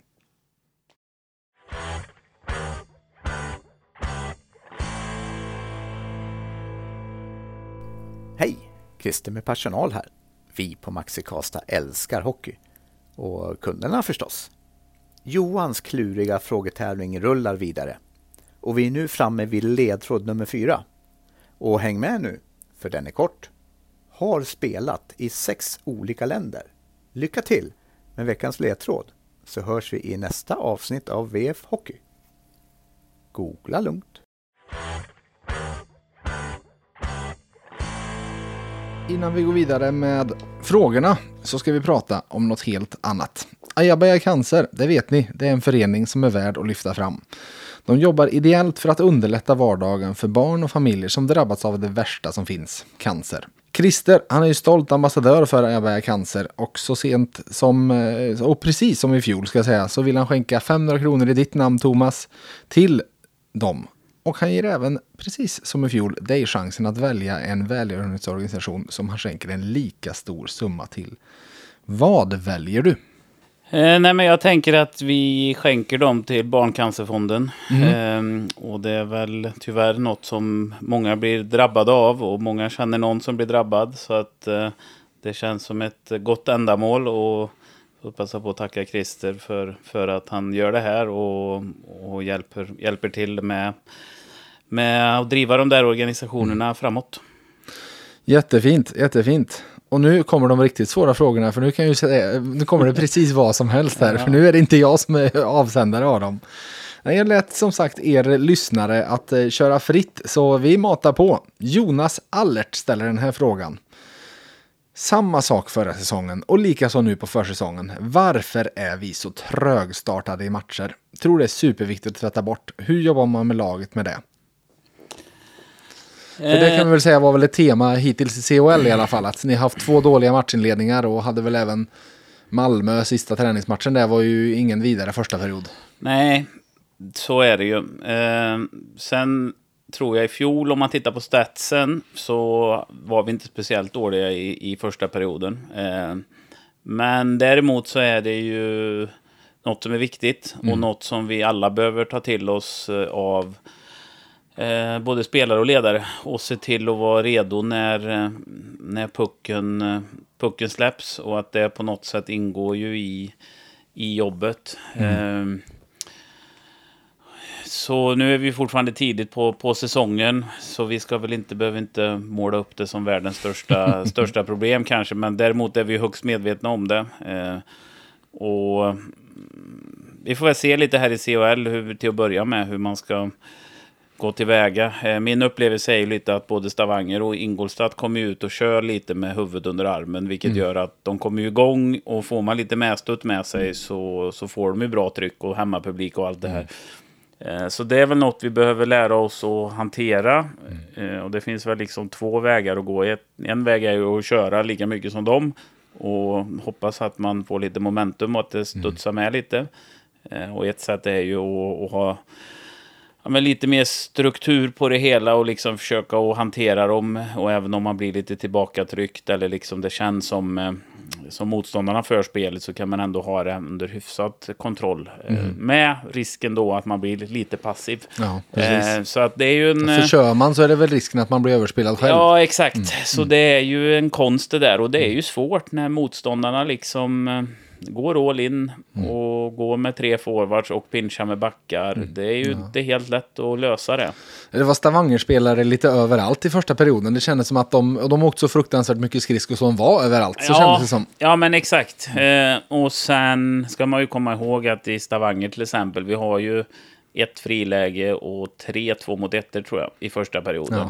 Ja, eh, och det är ju liksom, om man ska byta bort det till offensiv zontid och halvchanser Mhm. så är ju, är ju frilägen och två mot ettor väldigt, väldigt stora chanser i. Mm. jämförelse med ett backskott som studsar på ett benskydd. Eh, ska man ju komma ihåg. Eh, men jag håller med. Mm. Att vi behöver definitivt vara bättre och det är något vi behöver eh, adressera. Och det har vi ju redan gjort såklart. Mm. Men man vill ju gärna inte börja hota spelare och, och köra den eh, stilen första, första veckan. Men eh, ja, det är inte... Det är inte helt långt ifrån. Eh, Det som är positivt dock är att vi har höjt rösten efter en period. Eh, Både jag och spelarna tror jag. Och, och det har ju ändå blivit bättre sen i andra och i tredje perioderna. Så att eh, eh, vi, vi får fortsätta jobba med det helt enkelt. Joakim Hederstedt ställer frågan att försvara slottet är viktigt i SHL. Hur ser ett perfekt mittelskt försvar ut framför mål? Eh, nej, men det handlar väl om och, att eh, backarna normalt sett behöver ju boxa ut och, och plocka bort sina gubbar så att målvakten förhoppningsvis får, får fri sikt. Eh, och sen inte förlora de här stick, eh, eller vad heter det, klubb, klubbduellerna Just där det. inne. Utan se till att vinna dem. Och sen handlar det väl om i också att få, få liksom tryck på pucken. Så den som har pucken som antingen skjuter eller ska passa in den, att den inte har så hiskeligt mycket tid på sig. Just det. Ehm, Så det, det är väl ingen, inget superrevolutionerande så sett, men, eh, men det är ju viktigt såklart. Ehm, På tal om kvalitativa målchanser och så vidare. Mm, ja, men precis. Så det är ju där inne målen, målen görs. Så är det ju. Samtidigt som blir du för, blir du för passiv så hamnar du ju extremt mycket tid i, i egen zon. Så det är ju en, en balans det där. Men, eh, men eh, det, det har väl sett ja, hyfsat ut hittills i alla fall, tycker jag. Mm. Kristoff Gjörfi, tror jag det uttalas, eh, kommer med nästa fråga. Fråga Thomas om han kan på något sätt använda sin pokererfarenhet när han är coach i ett hockeylag. Jag tänker på självkontroll, kommunikation, manipulering på ett bra sätt och så vidare. Eh, Ja, men självkontroll tror jag absolut. Att eh, hålla känslorna på, på rätt köl, så att säga. Eh, också kanske fokusera på, på rätt saker. Mm, Kan du manipulera motståndarna? eh, nej, men man kan väl försöka lite grann, kanske. Men, eh, ja, men också släppa och gå vidare och ta ut liksom rätt information ifrån något byte eller någon Ja, match det. eller inför någon periodpaus, tror jag. Att, för i poker är det mycket, potterna eller liksom händerna kommer och går. Och det som har varit, du får ju lära dig det. Och sen behöver du ju gå vidare och Mm. göra det bättre nästa gång. Eh, Och där händer det ju varannan minut. Att Just det. Mm. kommer nya. Mm, så, så det väl, skulle väl kunna vara en, en grej kanske. Jonathan är inne på en eh, liknande fråga. Vem i klubben tror han skulle bjuda på tuffast motstånd i poker? Oj, ja, jag vet Jag faktiskt vet inte. du, vi pratade om det här under det här första gången. Då sa du du spelar ju typ inte längre. Nej, någonsin. nej, det men- gör jag inte. Men eh, jag ser ju, nu såg jag ju senast, eh, vilka är det som är? Det är Axel och Westfält. Och Björka tror jag är med. Göransson är med ibland. Eh, Lavne kanske. Och Joel tror jag, Nyström. Ja. Så det är väl någon av dem då skulle jag visa. Mm, de som som sitter sitter där bak vid det gamla klassiska bordet. Men, det blir väl dålig stämning om du lurar av dem pengar, tänker Ja, jag. jag tror att nu är jag coach och jag håller mig på, på nedervåningen och låter dem hållas. Om du, skulle, om du måste välja en, frågar även Jonathan. Vilken är den gemensamma nämnaren för alla framgångsrika hockeyspelare? Ehm, ja, men jag skulle nog säga ja, passionen eller viljan att vinna. Liksom. Eh, det är väl vilket, ja, det går ju att sätta ihop de två. Eh, och sen tror jag att viljan att vinna kan liksom te sig på lite olika sätt. Det måste inte vara den som kämpar hårdast vill mest. Liksom. Utan eh, Lillis kan ju vilja vinna lika mycket som Limpan, även om de har liksom olika spelstilar. Mm, eh, så. Eh, men det tror jag just den passionen eller viljan att, att vinna. Eh, det känns väl eh, högst relevant. En fråga, han, han får med en tredje för han hade tre roliga. Eh, hur vanligt är det att motståndare visar sig komma med en helt annan taktik än den man scoutar på förhand? Går det mesta att förutsäga eller är det ett evigt taktiskt spel med stora variationer? Eh, nej, men jag skulle nog säga i alla fall i SHL att det är ganska mycket samma. Man vet vad man får. Ja, det är ju också... Eh, alltså det är, ju, det är ju också det här med att det är ju en sak att hitta på en bra plan. Men sen ska ju spelarna också klara av att utföra den i 190 puls och det går fort och det studsar snett och sådär. Så det är väl små små justeringar som förmodligen inte de flesta inte ens tänker på Nej. som man kan göra. Sen är det ju många lag i SHL som sätter liksom en stolthet eller hur man nu ska uttrycka det och nej men vi spelar vårat spel och vi Just det. tänker inte ändra oss för motståndarna. Eh, och det finns ju vissa föreningar som på något sätt ja, sätter en väldig stolthet i det. Ja, det. Ehm, så de ändrar ju oftast inte. Ingenting alls oavsett. Nej. Nej. Men och så finns det väl ändå vissa lag och det är väl mest vissa coacher som kanske är lite mer, man får lite mer uppsikt på. Men, Mm. eh, men många är ju väldigt lika, Mm. måste jag säga. L. Halvgjort frågar, vad tycker Thomas är det absolut viktigaste vid ett lagbygge? Ehm, ja, men jag tycker nog det jag var inne på lite med framgångsrika hockeyspelare där, att det finns en, en passion och en vilja att vinna och en vilja att bli bättre på något sätt. Eh, Det känns som att den sätter på något sätt något grundfundament på att man eh, tränar bra och man tävlar bra på träning och, och, och hela den biten. Och sen tycker jag nästan det är lättare i så fall att nästan göra om ett spelsystem eller liksom försöka hitta ett spel som kan passa de här individerna. Så jag tar hellre liksom 25 av den typen och sen även om det är 25 eh, vänsterbackar som, som väger 90 kilo så då får vi försöka att bygga något spel Ja, som okej. kan tänkas funka. Mm. Eh, Så det skulle jag nog säga, just det där passionen och, och viljan att vinna och viljan att driva sig och bli bättre.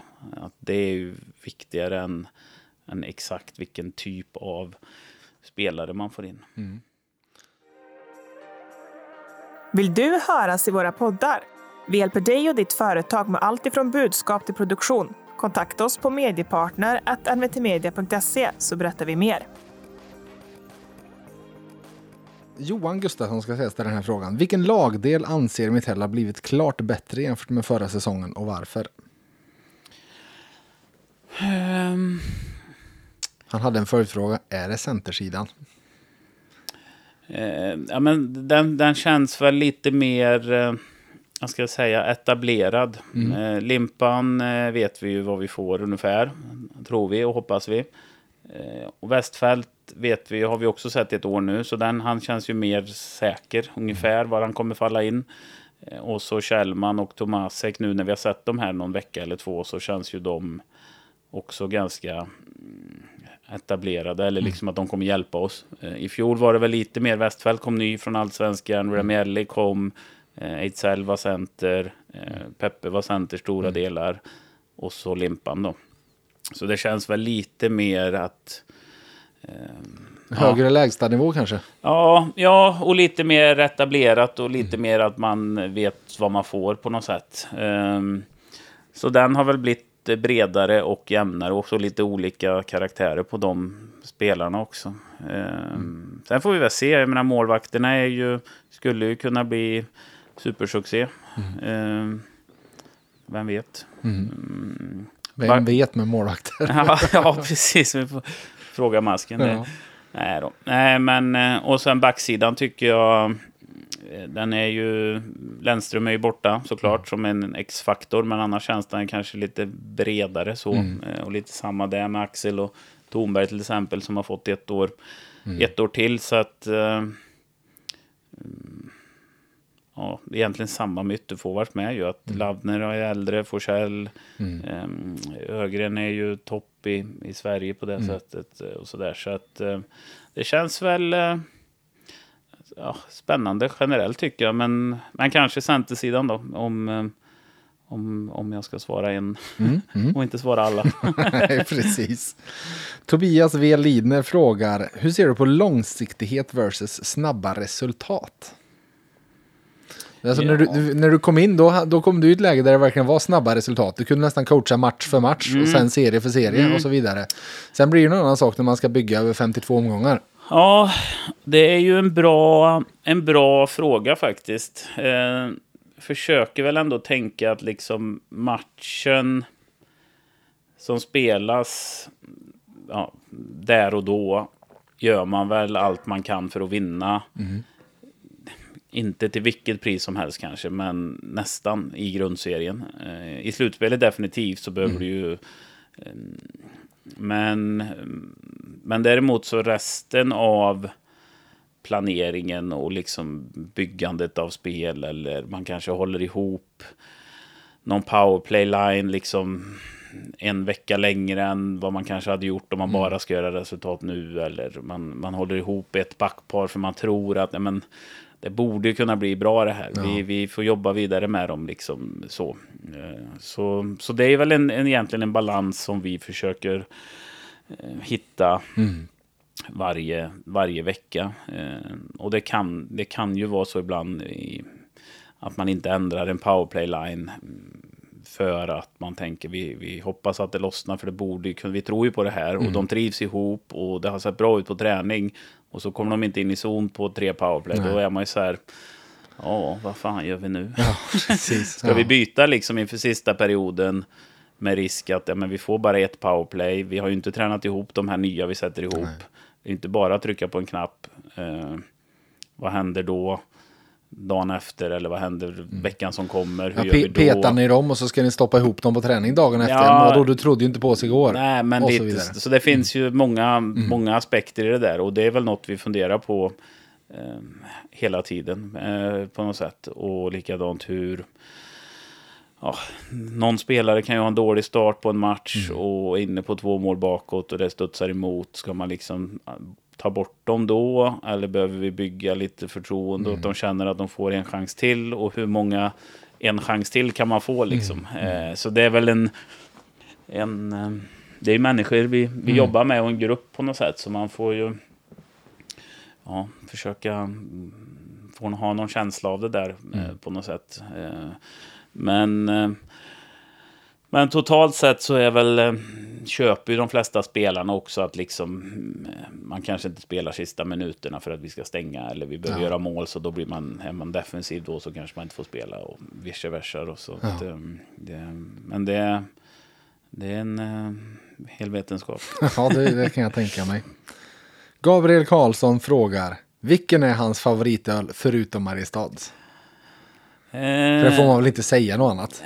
Nej, exakt. Nej. Eh, nej, men jag... Nej, men jag gillar IPA faktiskt mm. nu. Har jag druckit lite mer. Eh, det är ju lite annorlunda. Så det är inte så ofta nu för tiden man dricker tio öl och går på stan. Liksom. Så ofta blir det ju bara en, en eller två, två mm. tre stycken. Så då, då är det ganska gott tycker jag. Eh, mm. Sen kanske man inte vill dricka tio sådana. Men eh, som sagt, det händer inte så ofta nu för tiden. Så någon form av IPA-variant. Mm. Bonera frågar, vad tittar Mittell främst på när han komponerar nya formationer? Eh, ja, men det är ju dels lite spelartyper. Mm. Eh, att man kanske inte kan ha för mycket lirare ihop.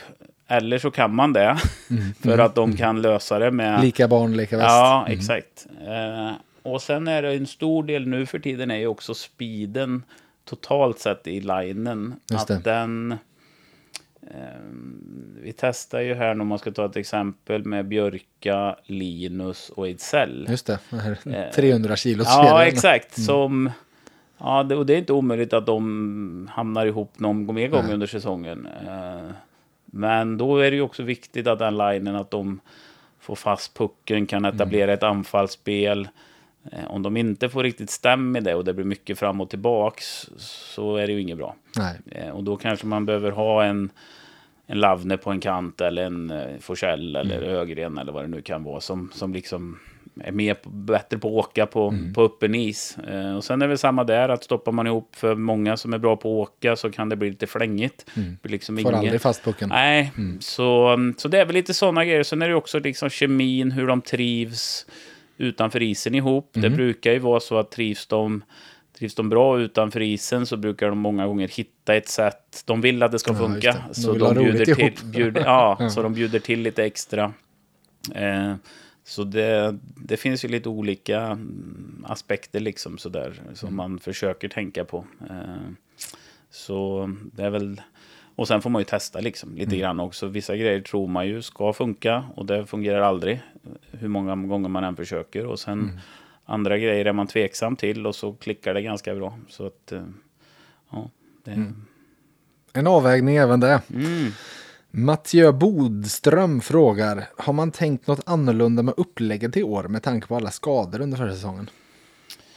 Eh, ja, men den, jag tror att den stora grejen var väl just det där att det var covid-säsong. Vi spelade sista matchen 12 maj tror jag. Eh, och så skulle det firas guld och så skulle, behövde spelarna vara lediga lite grann. Så det var ju förmodligen juni. Jag kommer inte ihåg exakt, men kanske till och med någon vecka in i juni innan vi började träna. Och sen blev det ja, men tre veckor, kanske fyra. Ja, jag tror att det var tre och en halv vecka eller någonting. Ja, och sen var det liksom, behövde de ju få någon form av sommarbreak.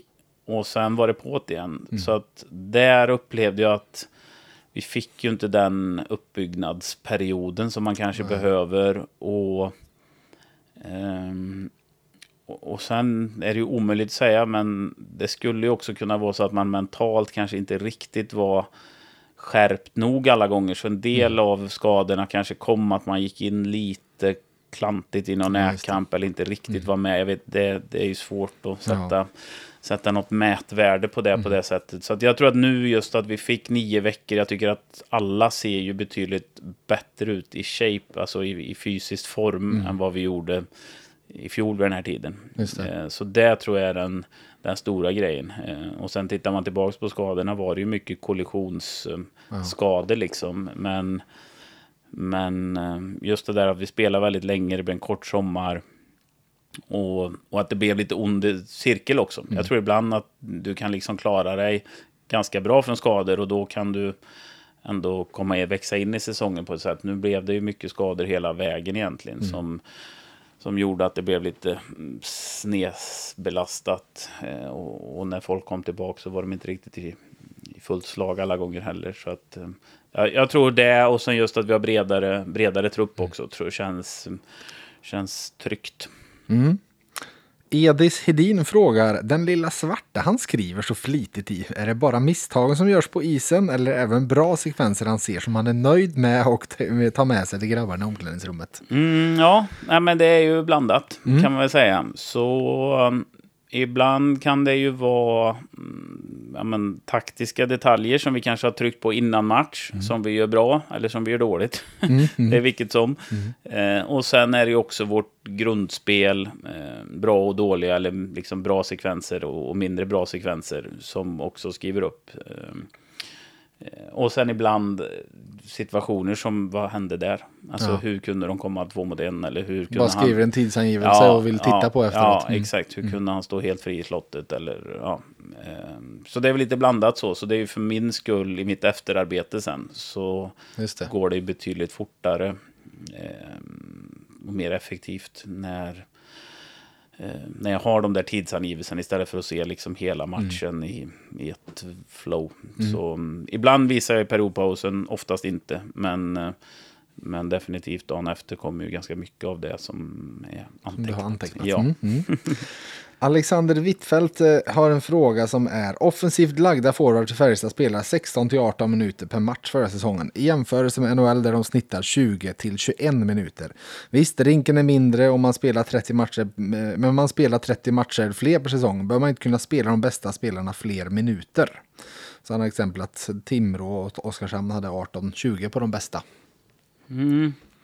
Eh, jag tror både Timrå och Oskarshamn var ju ganska eh, topp eh, topploadat. Ja. Eller vad ska man säga? Mm. Timrås topp 6 var ju väldigt bra. Mm. Och klart bättre än botten 6. Mm. Och Oskarshamn topp eller två lines egentligen, Mm. var ju Mm. klart bättre också. Mm.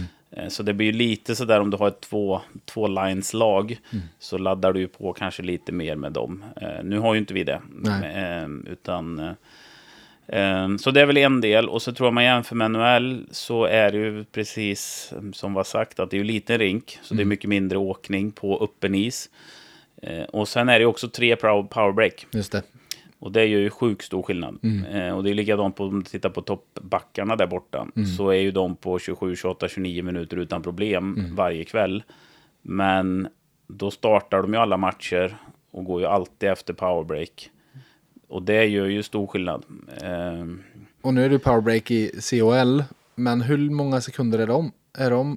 Är det 60 är det va? 60 och NHL är väl 90 va? Tror jag till och med. Jag tror det är en och en Ja. halv minut. Ja, det är möjligt. Men...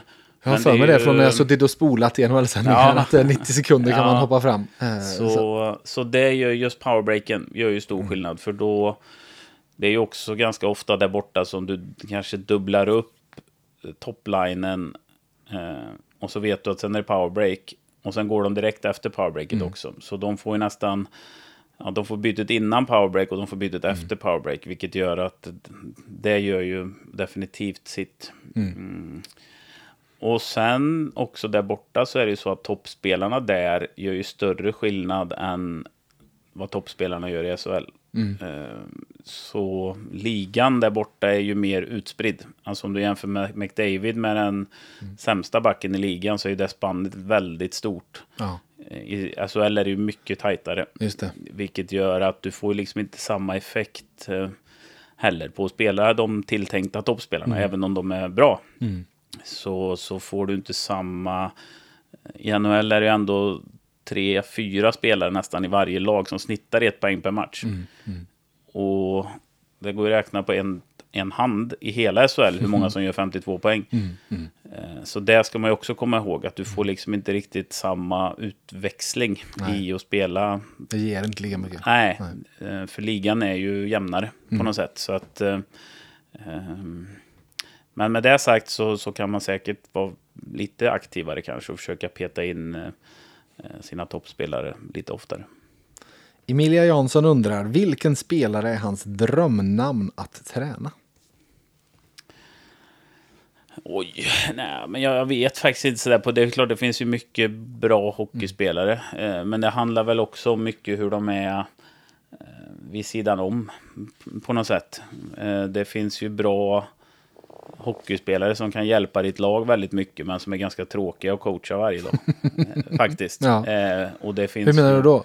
Nej, men att de är ja, men, omständiga och det Ja. gnälls och det ska göras om spelsystem. När de Ja, inte okej. gör, det. levererar i två matcher, då är det dåligt. Vi måste byta spelsystem i egen zon. Jag får inga bra puckar. Eller Mm. backarna tycker att nej, men nu ska vi byta upp spel för det här går ju inte. Och, ja, eh, Mm. Så det finns ju väldigt många bra spelare som är ganska tråkiga eller jobbiga och ha att göra med. Sen kan de ju vinna mycket matcher åt dig som coach. Mm, Men eh, så jag vet faktiskt inte. Jag har ingen, eh, inte utan att eh, känna dem vid sidan om, höll jag på att säga.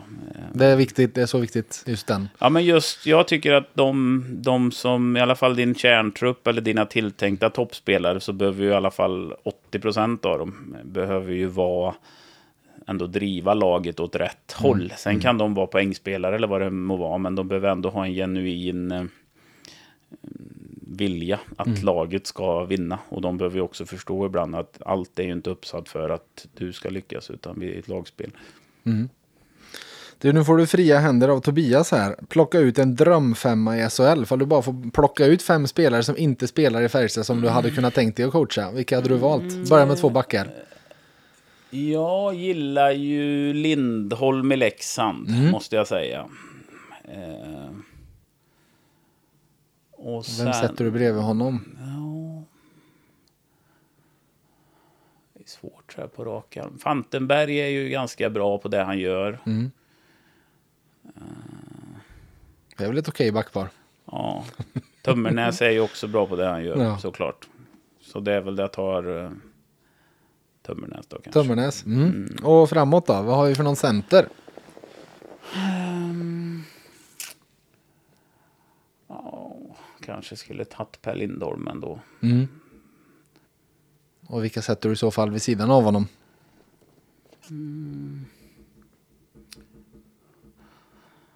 No. Karlqvist är ju rolig på sitt sätt, men han är ju, fuskar ju mycket också. Så det beror lite på vad jag har för lag i övrigt. 80 procent och så vidare. Ja. Då måste du pricka in. Och det är, du han kan ju vara 20 av den här Ja. formationen då. Så har du... Eh, ja, men, ja, vad har vi mer för... Eh, Bromé är ju rätt bra på sitt sätt. Han är ju väldigt irriterande människa också. Alltså jag har ju coachat han så Ja, jag känner exakt. han ju kanske han jag ska får, säga. Han får du sitta och säga så. Men, eh, men eh, han är ju kvick och rapp. Och Dahlén är ju ganska bra också tycker jag. Nej, jag vet. Det är ju ett par stycken ytterforwards som ändå sticker ut. Det är väl en, eh, en smaksak kanske. Men Bromé, Lind, Lindholm och eh, Karlqvist känns ju som att de hade kunnat passa helt okej ihop Ja, också. det borde kunna bli ganska bra. Och jag har säkert glömt några. Jag skulle behöva en lista framför mig. Så. Ja, exakt. Men eh, du, du har inte sagt något namn jag tror du behöver skämmas över. Eh, Den som har namnet Fettot i klacken ska säga, så det är han själv som har valt det här användarnamnet och inte jag. Vad snusar du för något? jag snusar kronan lös. Kronan lös. Ja, Mm. mycket bra. Du, Tobias undrar även NHL-drömmen. Har du den kvar? Eh, ja, ja, dröm och dröm. Jag vet inte, jag trivs ju väldigt bra här. Det jag är nu, måste jag säga. Eh, och det är ju en...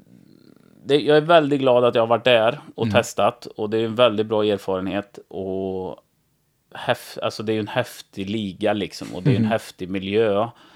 Men rent hockeymässigt så är den ju också ja, men speciell på många sätt. Du är ganska låst. ehm, du har ju inte alls så stor påverkan på, på lag, på laguttagningar, vilken line-up du har. ehm, Det bestäms ganska mycket uppifrån menar du? Ja, men i alla fall till viss del liksom. Eh, här kan jag ju ändå känna att jag ska ju gå ner imorgon och göra en ganska stor skillnad liksom. Just Eller det. liksom... eh, Där borta är det ju inte riktigt så. Spelarna är ju lite mer etablerade. Det är ju liksom ingen utvecklingsliga på det sättet. Här försöker man ju fortfarande liksom göra ja, såklart alla spelare, men det är i alla fall tio man här som är på väg och vill bli bättre liksom. Kanske ännu mer. Men, och såklart vill alla bli bättre, men eh, ja, så, om jag ska svara kort så eh, absolut skulle jag ju överväga det och mm, under rätt förutsättningar, om man nu kan säga så. Eh, men det är inte så att jag skulle hoppa på första bästa plan och, och ta vilket jobb som helst heller. Eh, så Du är som de här spelarna som säger för att jag ska sticka över så krävs det ett envägskontrakt. Jag sticker inte över på tvåvägs. nej, nej, så kanske man kan säga. Eh, nej, men just det där och sen... Ja, det, det är speciellt alltså, det måste jag säga. Eh, Men väldigt eh, lärorikt och kul och liksom sådär. Så jag är väldigt glad att jag har gjort det. Eh, men eh, jag trivs ju väldigt bra. Det är jag nu. Och, men jag skulle såklart överväga det som alla tror jag. Att man vill ju vara på så hög nivå som möjligt. Sista frågan från lyssnarna. Robban35. Nu är jag osäker på hur långt kontrakt han har. Det kan jag säga att han har till 2025. Hur ser Thomas på en fortsättning i Färjestad på sikt? Eh, nej men som jag sa, du hade ju den här femårsfrågan. Ja, Vad händer precis. om fem år? Och nu det här med, med NHL så trivs jag ju väldigt bra. Eh, och jag tycker att vi har en bra mm, organisation. Jag trivs väldigt bra i med allt ifrån eh, kontoret och, och styrelse och, och med Valle och med mina kollegor där nere också. Eh, och vi har ett bra lag. Så att, eh, och trivs bra i Karlstad. Så Mm. att jag har inte, ser inte många mörka moln på, på himlen liksom. Utan nej, men det känns som vi, vi, det är lugnt och tryggt i föreningen och vi driver ändå framåt och, och alla är fokuserade på det vi ska göra. Och, men ändå med, ja, men med glädje och med, med skratt liksom. Så att eh, det, känns, det känns väldigt bra tycker jag. Så att, eh, sen ska jag ju göra resultat. Eller vi ska göra resultat för att man ska få, få frågan. Och sen ska det ju passa och allt vad det är. Men, men jag trivs superbra. Och det känns som att vi vi kommer ju in i rutiner mer och mer här eh, som, som gör att det sparar tid till, till annat ut, utvecklande Mm. arbete eller liksom prata med spelare och allt det, här, Mm. hela den biten. Så att, ja, men det känns bra och jag trivs superbra. Eh, och sen som sagt så är det en resultatbaserad bransch såklart så att det räcker med tio förluster här ska du se så, Mm. så, så är folk förbannade. Ja. Du, eh, på tal om seger och förlust då, det blivit dags att tävla. Jag lämnar ju papper och penna till dig där så du ska få anteckna. Du kanske skulle få tagit med din lilla svarta bok och skrivit i den, men nu Ja. får du papper och penna. det här går jättebra det. 10, 8, 6, 4 och 2 poäng. Precis som vanligt så får du gärna tänka högt, men säg inget svar, utan skriv det om du vill svara på en nivå. Och som sagt, bommar man på 10 och då har man ju bommat sin chans att svara. Är du redo? Ja. På 10 poäng.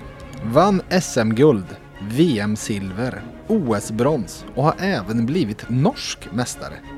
Men tur, det har han på tyska. Hmm. Ja, vi kör vidare tror jag. Vi kör vidare. På 8 poäng. Har faktiskt inte bara blivit svensk mästare i ishockey utan även på icke-fryst vatten där han även har tagit ett JEM-guld. Märkligt nog tog han bilen runt Vänern snarare än båten över den. Blivit svensk mästare i något annat än ishockey på icke-fryst vatten där han även tagit ett JEM-guld. Jaha, Nu snurrar ska det vara något vatten då är det tänkt eller? Ja, det kan det ju vara ifall det inte är fryst. Ja, det... Eh, mobil. Nej, vi får nog ha mer ledtrådar tror jag. Mm. På 6 poäng. Placerades som nummer 22 på VF Sportens FBK topp 90-lista.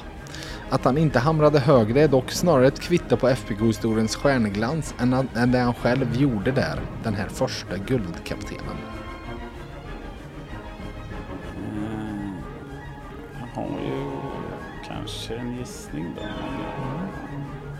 Ja, Får, får du inte ihop? Vill du ha fyra poäng eller ska du dra till på sexan? jag vill inte säga han för lågt här på listan nu. Då blir det ett jävla liv. eh, nej, men jag kör på Du sex. kör på sex ja, poäng. Ja, vi kör. Och då skriver du in ditt svar där samtidigt som jag läser ledtråden på fyra poäng. Inledde efter spelarkarriären en tränarbara bana i Sparta Sarpsborg. Och den här tränarbanan tog slut 2012 i Linköping. Tränade även Färjestad, men han nådde störst framgångar då han 2007 blev utsedd till svensk hockeys främste tränare och helgonförklarad i Ångermanland. Känns det bra? Ja, det gör det faktiskt. På två poäng. Har efter tränarkarriären gjort en tredje karriär. Den som expert i TV där han med värme pratat om betydelsen av en stark centrallinje. Men nu har han gått i pension. Denna en av Mariestads främsta hockeysöner. Och du sitter med ett leende på läpparna. Harald Lyckner Ja, det va? där hade du ju helt rätt. Ja. Helt rätt. Var, var det på sexan du kom in på honom eller anade du innan? Nej, nej, det gjorde jag inte. Men det var väl det där med 22 på listan och sen kapten för första Mm, precis. guldlaget. eh, Vad är det han har blivit svensk mästare i förutom hockey då? ja, det har jag ingen aning om. Segling. Ja, just det. Det Ja. har jag ju hört talas Ja, om. det känns ju som någonting han borde ha berättat någon gång. Det har han säkert. Eh, OK-jolle där han även hann att ta ett JVM-guld, eller JEM-guld. Eh, men han slutade när han eh, blev värvad av Färjestad. Och Mm. där var det ju bara, i och med att han höll på med båt så kan man ju tycka att han borde tagit båten över Vänern snarare Ja, än ja, tagit ja. bilen ja, runt. Ja, ja. Eh, och sen som sagt SM-guld, han har ju fler SM-guld, VM-silver, OS-brons. Eh, och norsk mästare blev han ju direkt där som tränare när han stack över. Och sen tror jag det var tämligen ganska enkla. Han blev som sagt svensk hockeys främste tränare utsedd 2007 när han vann SM-guld med Modo. Men en sex poäng, det var väl en- ett fint sätt att avsluta podden. ja, det var bra. Det är jag nöjd med. Skulle Mm. jag få det varje gång så... jag tror sist så vet jag inte ens om jag löste det eller? Eller fick Nej, jag, jag två? tror eller? nog, ja, eller Knappt. det att du svarade fel till sist? Ja, så kan det ja, nog. Ja. Så eh, du, du, bättre än i fjol Ja? Mm. jag är nöjd. Jag har utvecklats. Ja, härligt. Du Thomas, stort tack att du ville sitta och köta hockey i nästan två timmar. Tack för att jag fick komma. Och till er lyssnare, nu det här var den fjärde och sista delen i de ordinarie inför säsongen avsnitten i VF Hockey. Men som sagt, den 12 september, alltså nästa tisdag, då kör vi ju vår upptakt på Pitchers. Så jag hoppas att vi ses så många som möjligt då. Men tills dess får ni ha det så gött.